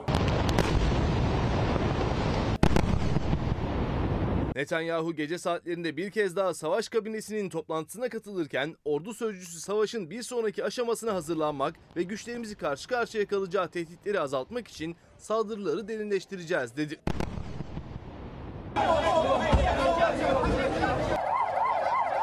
Dün gün boyunca yine İsrail vahşeti vardı Gazze'de. Han Yunus'ta evlerinden kaçan Filistinlilerin sığındığı bir Birleşmiş Milletler okulunun çevresi hedef alındı.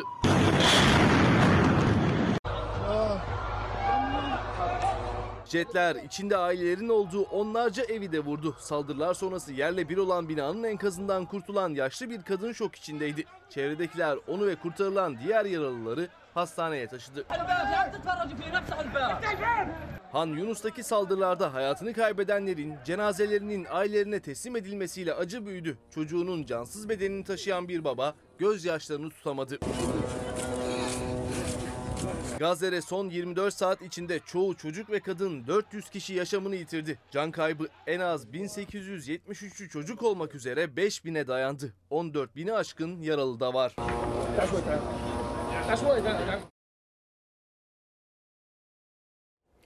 Orada bir insanlık dramı yaşanıyor maalesef. Peki e, şimdi Türkiye elinden geleni yapıyor. Türkiye'nin durduğu yeri, pozisyonu nasıl görüyorsunuz? Şu anda itidali duruyor ve destekliyorum. Şu andaki tutumunu yani e, ortada şöyle önce şunu söyleyeyim e, İlker Bey. Amasız, lakinsiz, fakatsız İsrail'in yapmış olduğunu kınamamak insanlığa sığmaz. Katil bir devlet diyorum ben. Çok ileri giderek konuşuyorum bunu. Neden? Çoluk çocuğun hastanelerinin bombalanmasını desteklemek veya ona ama şöyle oldu böyle oldu demek e, bize yakışmaz, insanlığa yakışmaz, Türklüğümüze yakışmaz, dinimize yakışmaz. Ben bu coğrafyadaki bu coğrafyadaki bu gelişmeleri müsaade ederseniz bir iki kelimeyle özetlemek istiyorum. Çünkü burası e, bir sürü e, bir sürü e, devletin herkesin kimisinin din, kimisinin de Orta Doğu'daki petrol ve doğalgazla ilgili ilişkisinden bahsediyor. Yani genelde bu bu coğrafyanın en büyük özelliği. Bu coğrafyayı e, Türk milleti 400 sene, 500 sene adaletiyle ve diğer dinlere olan saygısıyla idare etmiştir. İsrail'i kınıyoruz. Netanyahu'yu da ben şuna benzetiyorum. Netanyahu'yu. İkinci Dünya Savaşı'nda Sovyetler Birliği'nin başında Stalin. Almanya'nın başında Hitler, İtalya'nın başında Mussolini, İspanya'nın başında Franco, Portekiz'in başında Salazar. Faşist ve insanları sürgün eden, burada Stalin'in Türk milletine karşı yaptığı, Kırım Türklerine ve Aska Türklerine yaptığı zulümleri de bir gözümüzün önüne getirelim.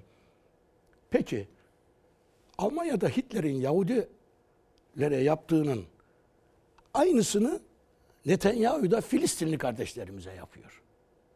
Şimdi ben adaletin ve vicdanın olmadığı yerde din değil, dincilik vardır. Bugün aynı durumda İsrail devleti din adına bunu yapıyorsa bu din değil. Bu ne Hazreti Musa'nın Tevrat'ına uyar, ne Hazreti İsa'nın efendime söyleyeyim İncil'ine uyar, ne Hazreti Davut'un Zebur'una uyar. Ne de sallallahu aleyhi ve sellem Efendimizin Kur'an-ı Kerim'ine uyar. Bir defa dini yönden böyle bakıyoruz. İnsanlık yönünden zaten eleştirmememiz mümkün değildir. Bugün bunun akabinde, bunun akabinde kendi halklarının haklarını savunmak adına emperyalist ülkelerin uşaklığını yapan her türlü terör örgütüne de karşı durmamız lazım. Ve İsrail'i bu tarafa koyuyoruz. Diğer terör örgütlerini de ben terör örgütlerinin emperyalist güçlerin uşaklığı yaptığı iddiasındayım. Kendi halkına zarar veren terör örgütleridir. Şimdi Türkiye'nin durduğu yeri sordunuz. Türkiye Cumhuriyeti Devleti'nin şu andaki politikasını e, destekliyoruz. İtidali davranıyorlar. Bu, bu konuda hiçbir şey yok. Filistin'in çözümü çok net. İki devlet. İki devlet.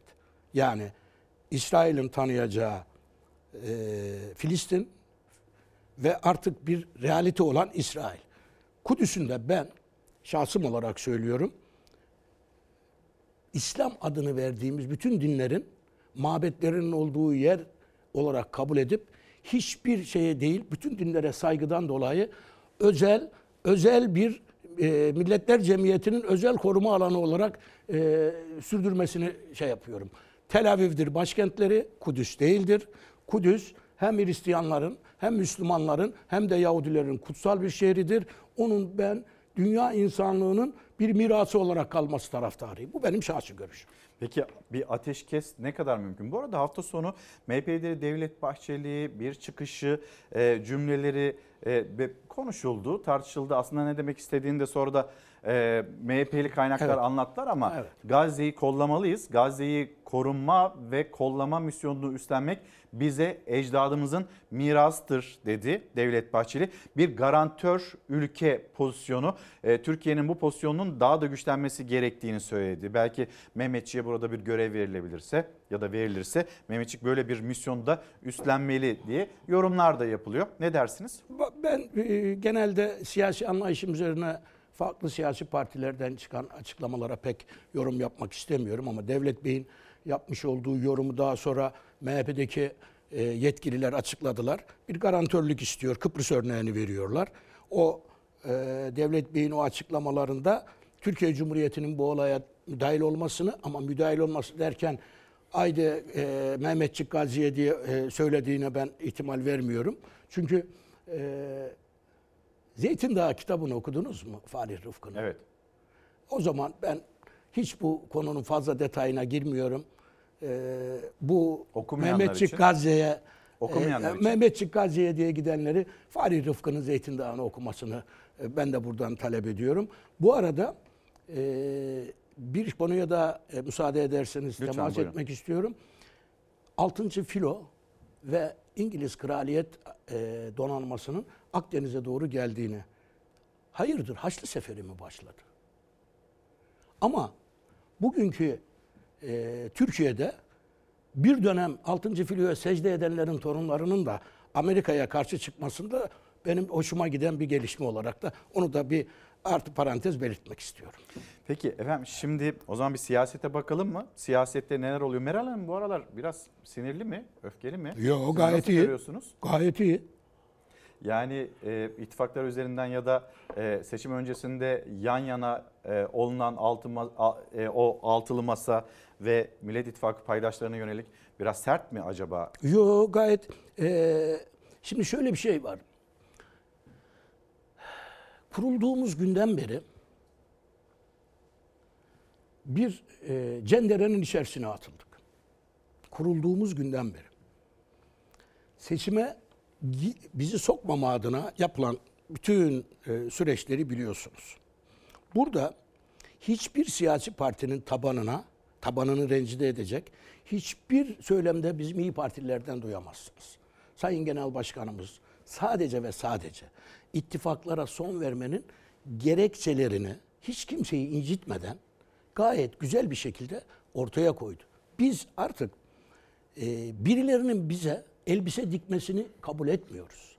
Biz gazeteci gazeteciniz yanlış anlamayın. Gazeteci sıfatıyla televizyonlara çıkıp partilere yön verme, partileri manipüle etme adına bir takım e, gelişmeleri, dedikoduları ortaya koyanları, iftira atanların karşısında genel başkanımız haklı bir şekilde serzenişte bulunuyor. İkincisi yine bu ülkeyi akademisyenlerin televizyonlarda yine partimize ve ittifaklara yön vermesini e, ben kabul edemiyorum.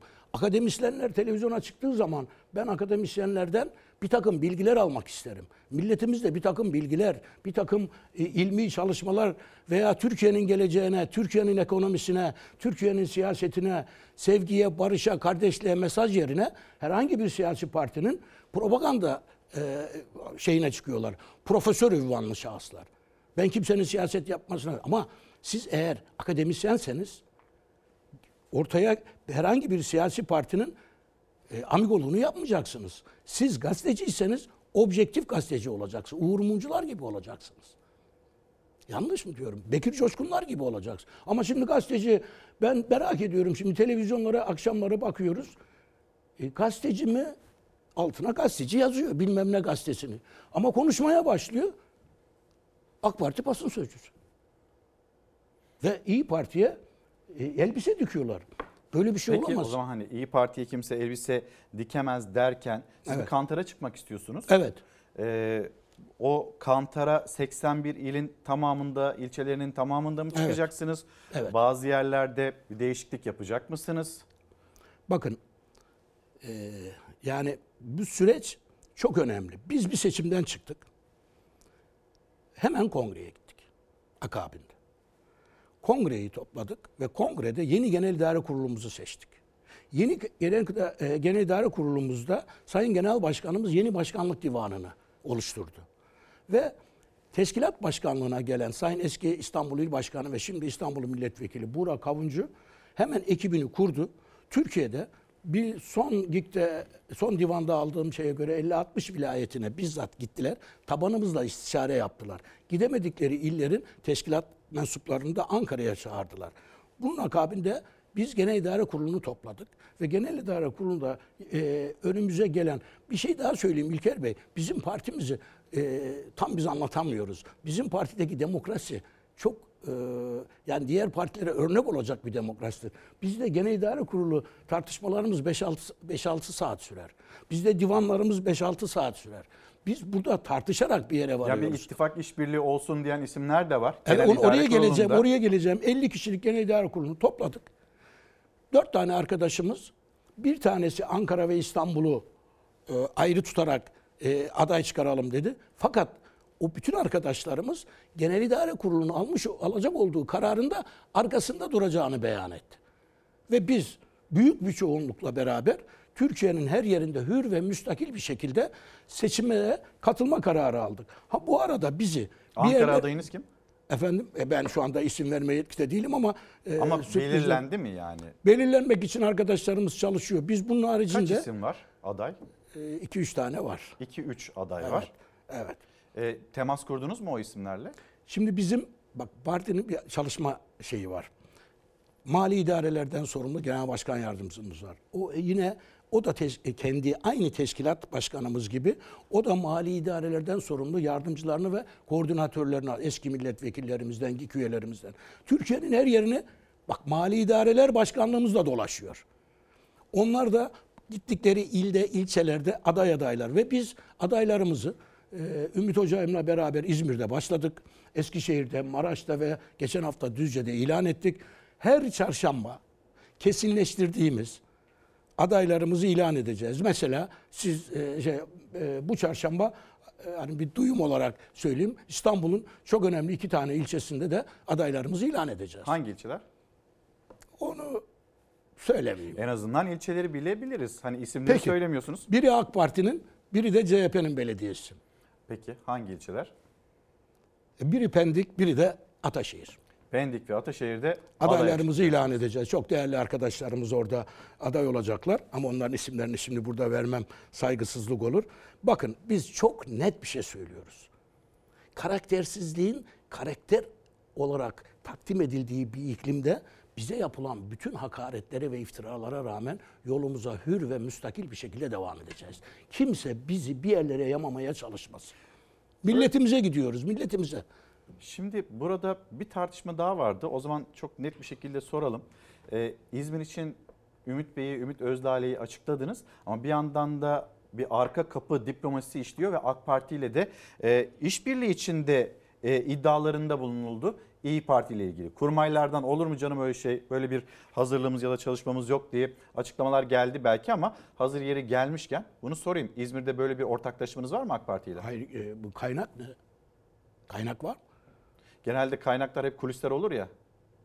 O zaman o kaynağı herhalde Cumhuriyet Halk Partisi İzmir Büyükşehir Belediye Başkanı adayı yapacak.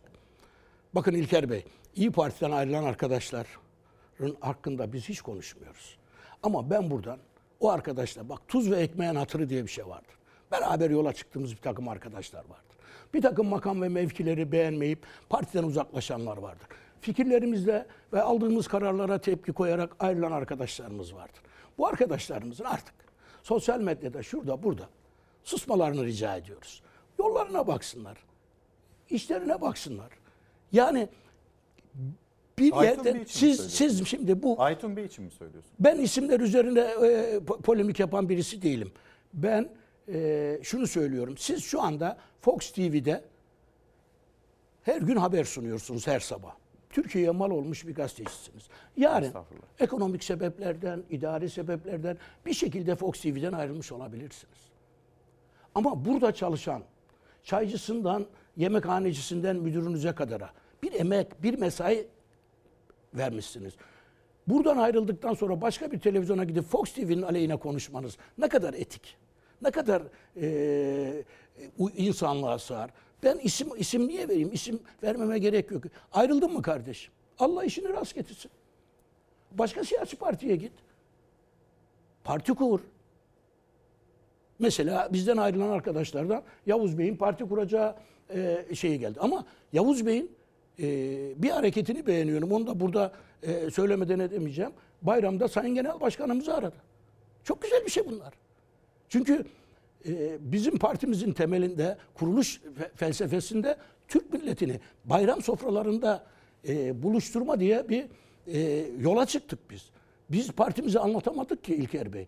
Biz partimizi Türk milletine e, kınalı elleri anlatamadık, tülbenti anlatamadık, bayram sofralarında buluşmayı anlatamadık. Biz ne yaptık? FETÖ'cüsün, PKK'lısın, şusun, busun, sadece yafta. Ve bizden ayrılan arkadaşlarımızın da sürekli bir şekilde ben onların niye ayrıldığını gayet iyi biliyorum. Ama biz bunları burada açıklamak ne- siyasi nezaketsizlik. Bak Yavuz Bey ayrıldı, döndü.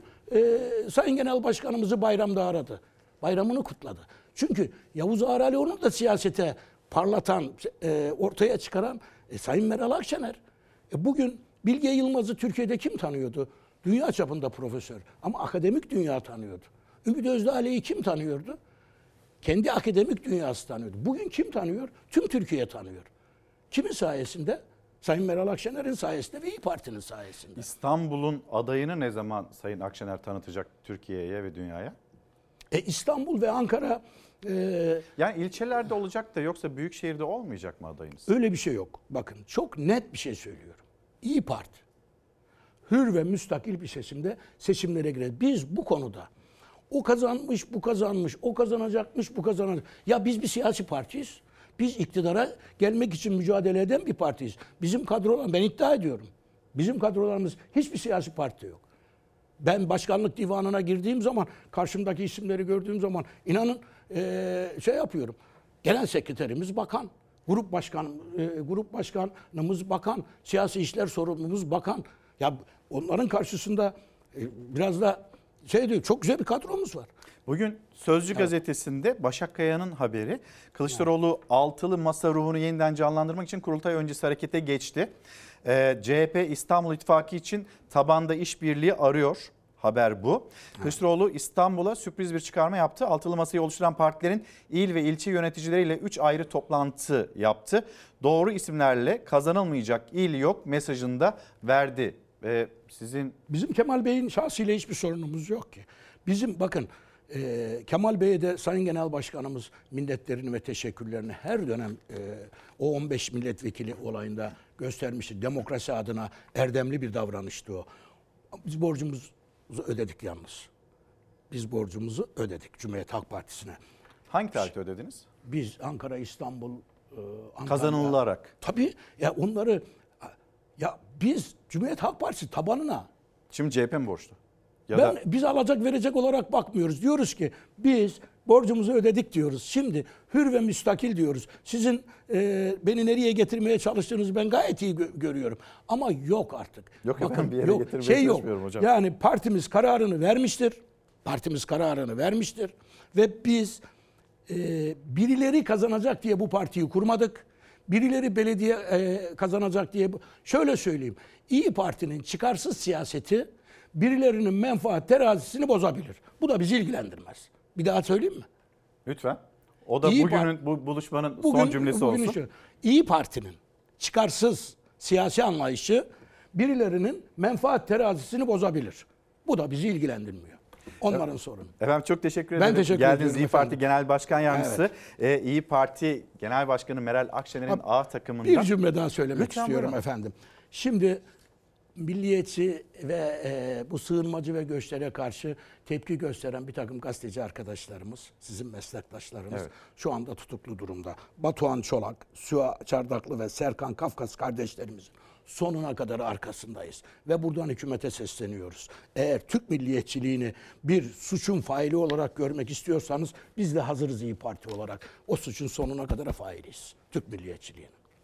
Şükrü Kuley'in Çalar Saat'te konuğumuzdu. Hem Cumhuriyetimizin 100. yılı hem Gazze'de olanlar, yaşananlar, insanlık dramı, İsrail'in yaşatmış olduğu katliam hem de siyaset biraz da siyaset ekledik bugünkü buluşmamıza. Ben kendisine teşekkür ediyorum. Bir mola verip hemen dönüyoruz. Cumhuriyet Haftası'nın ilk günüydü. Çalar Saat'te 7.45'te karşınızdaydık. Yarın saatler yine 7.45'i gösterdiğinde biz burada olacağız. Her zamanki gibi teşekkürüm sizlere. Bizi izlediğiniz için çok ama çok teşekkür ederiz. Yarın devam edeceğiz. Ayrılmadan önce kitaplarımız var. Onları da göstereyim. İş hayatında dönen filmler. Esra Nihal İnce'nin kitabı. Mustafa Angın bir roman. Hemen gelsin ekranlarınızda. Adana Güneşi Tuncer Akkan'ın kitabıydı. Bizlere ulaşanlardan. Kübra Karahanoğlu teyit önyargısı zihnimi bulandırma. Ben kararımı verdim diyor. Ee, Kübra Karahanoğlu da kitabında. Evet kapatırken tekrar söyleyelim. Teşekkür ederiz. Yarın sabah 7.45'te görüşürüz. Hoşçakalın. Güzel bir gün olsun.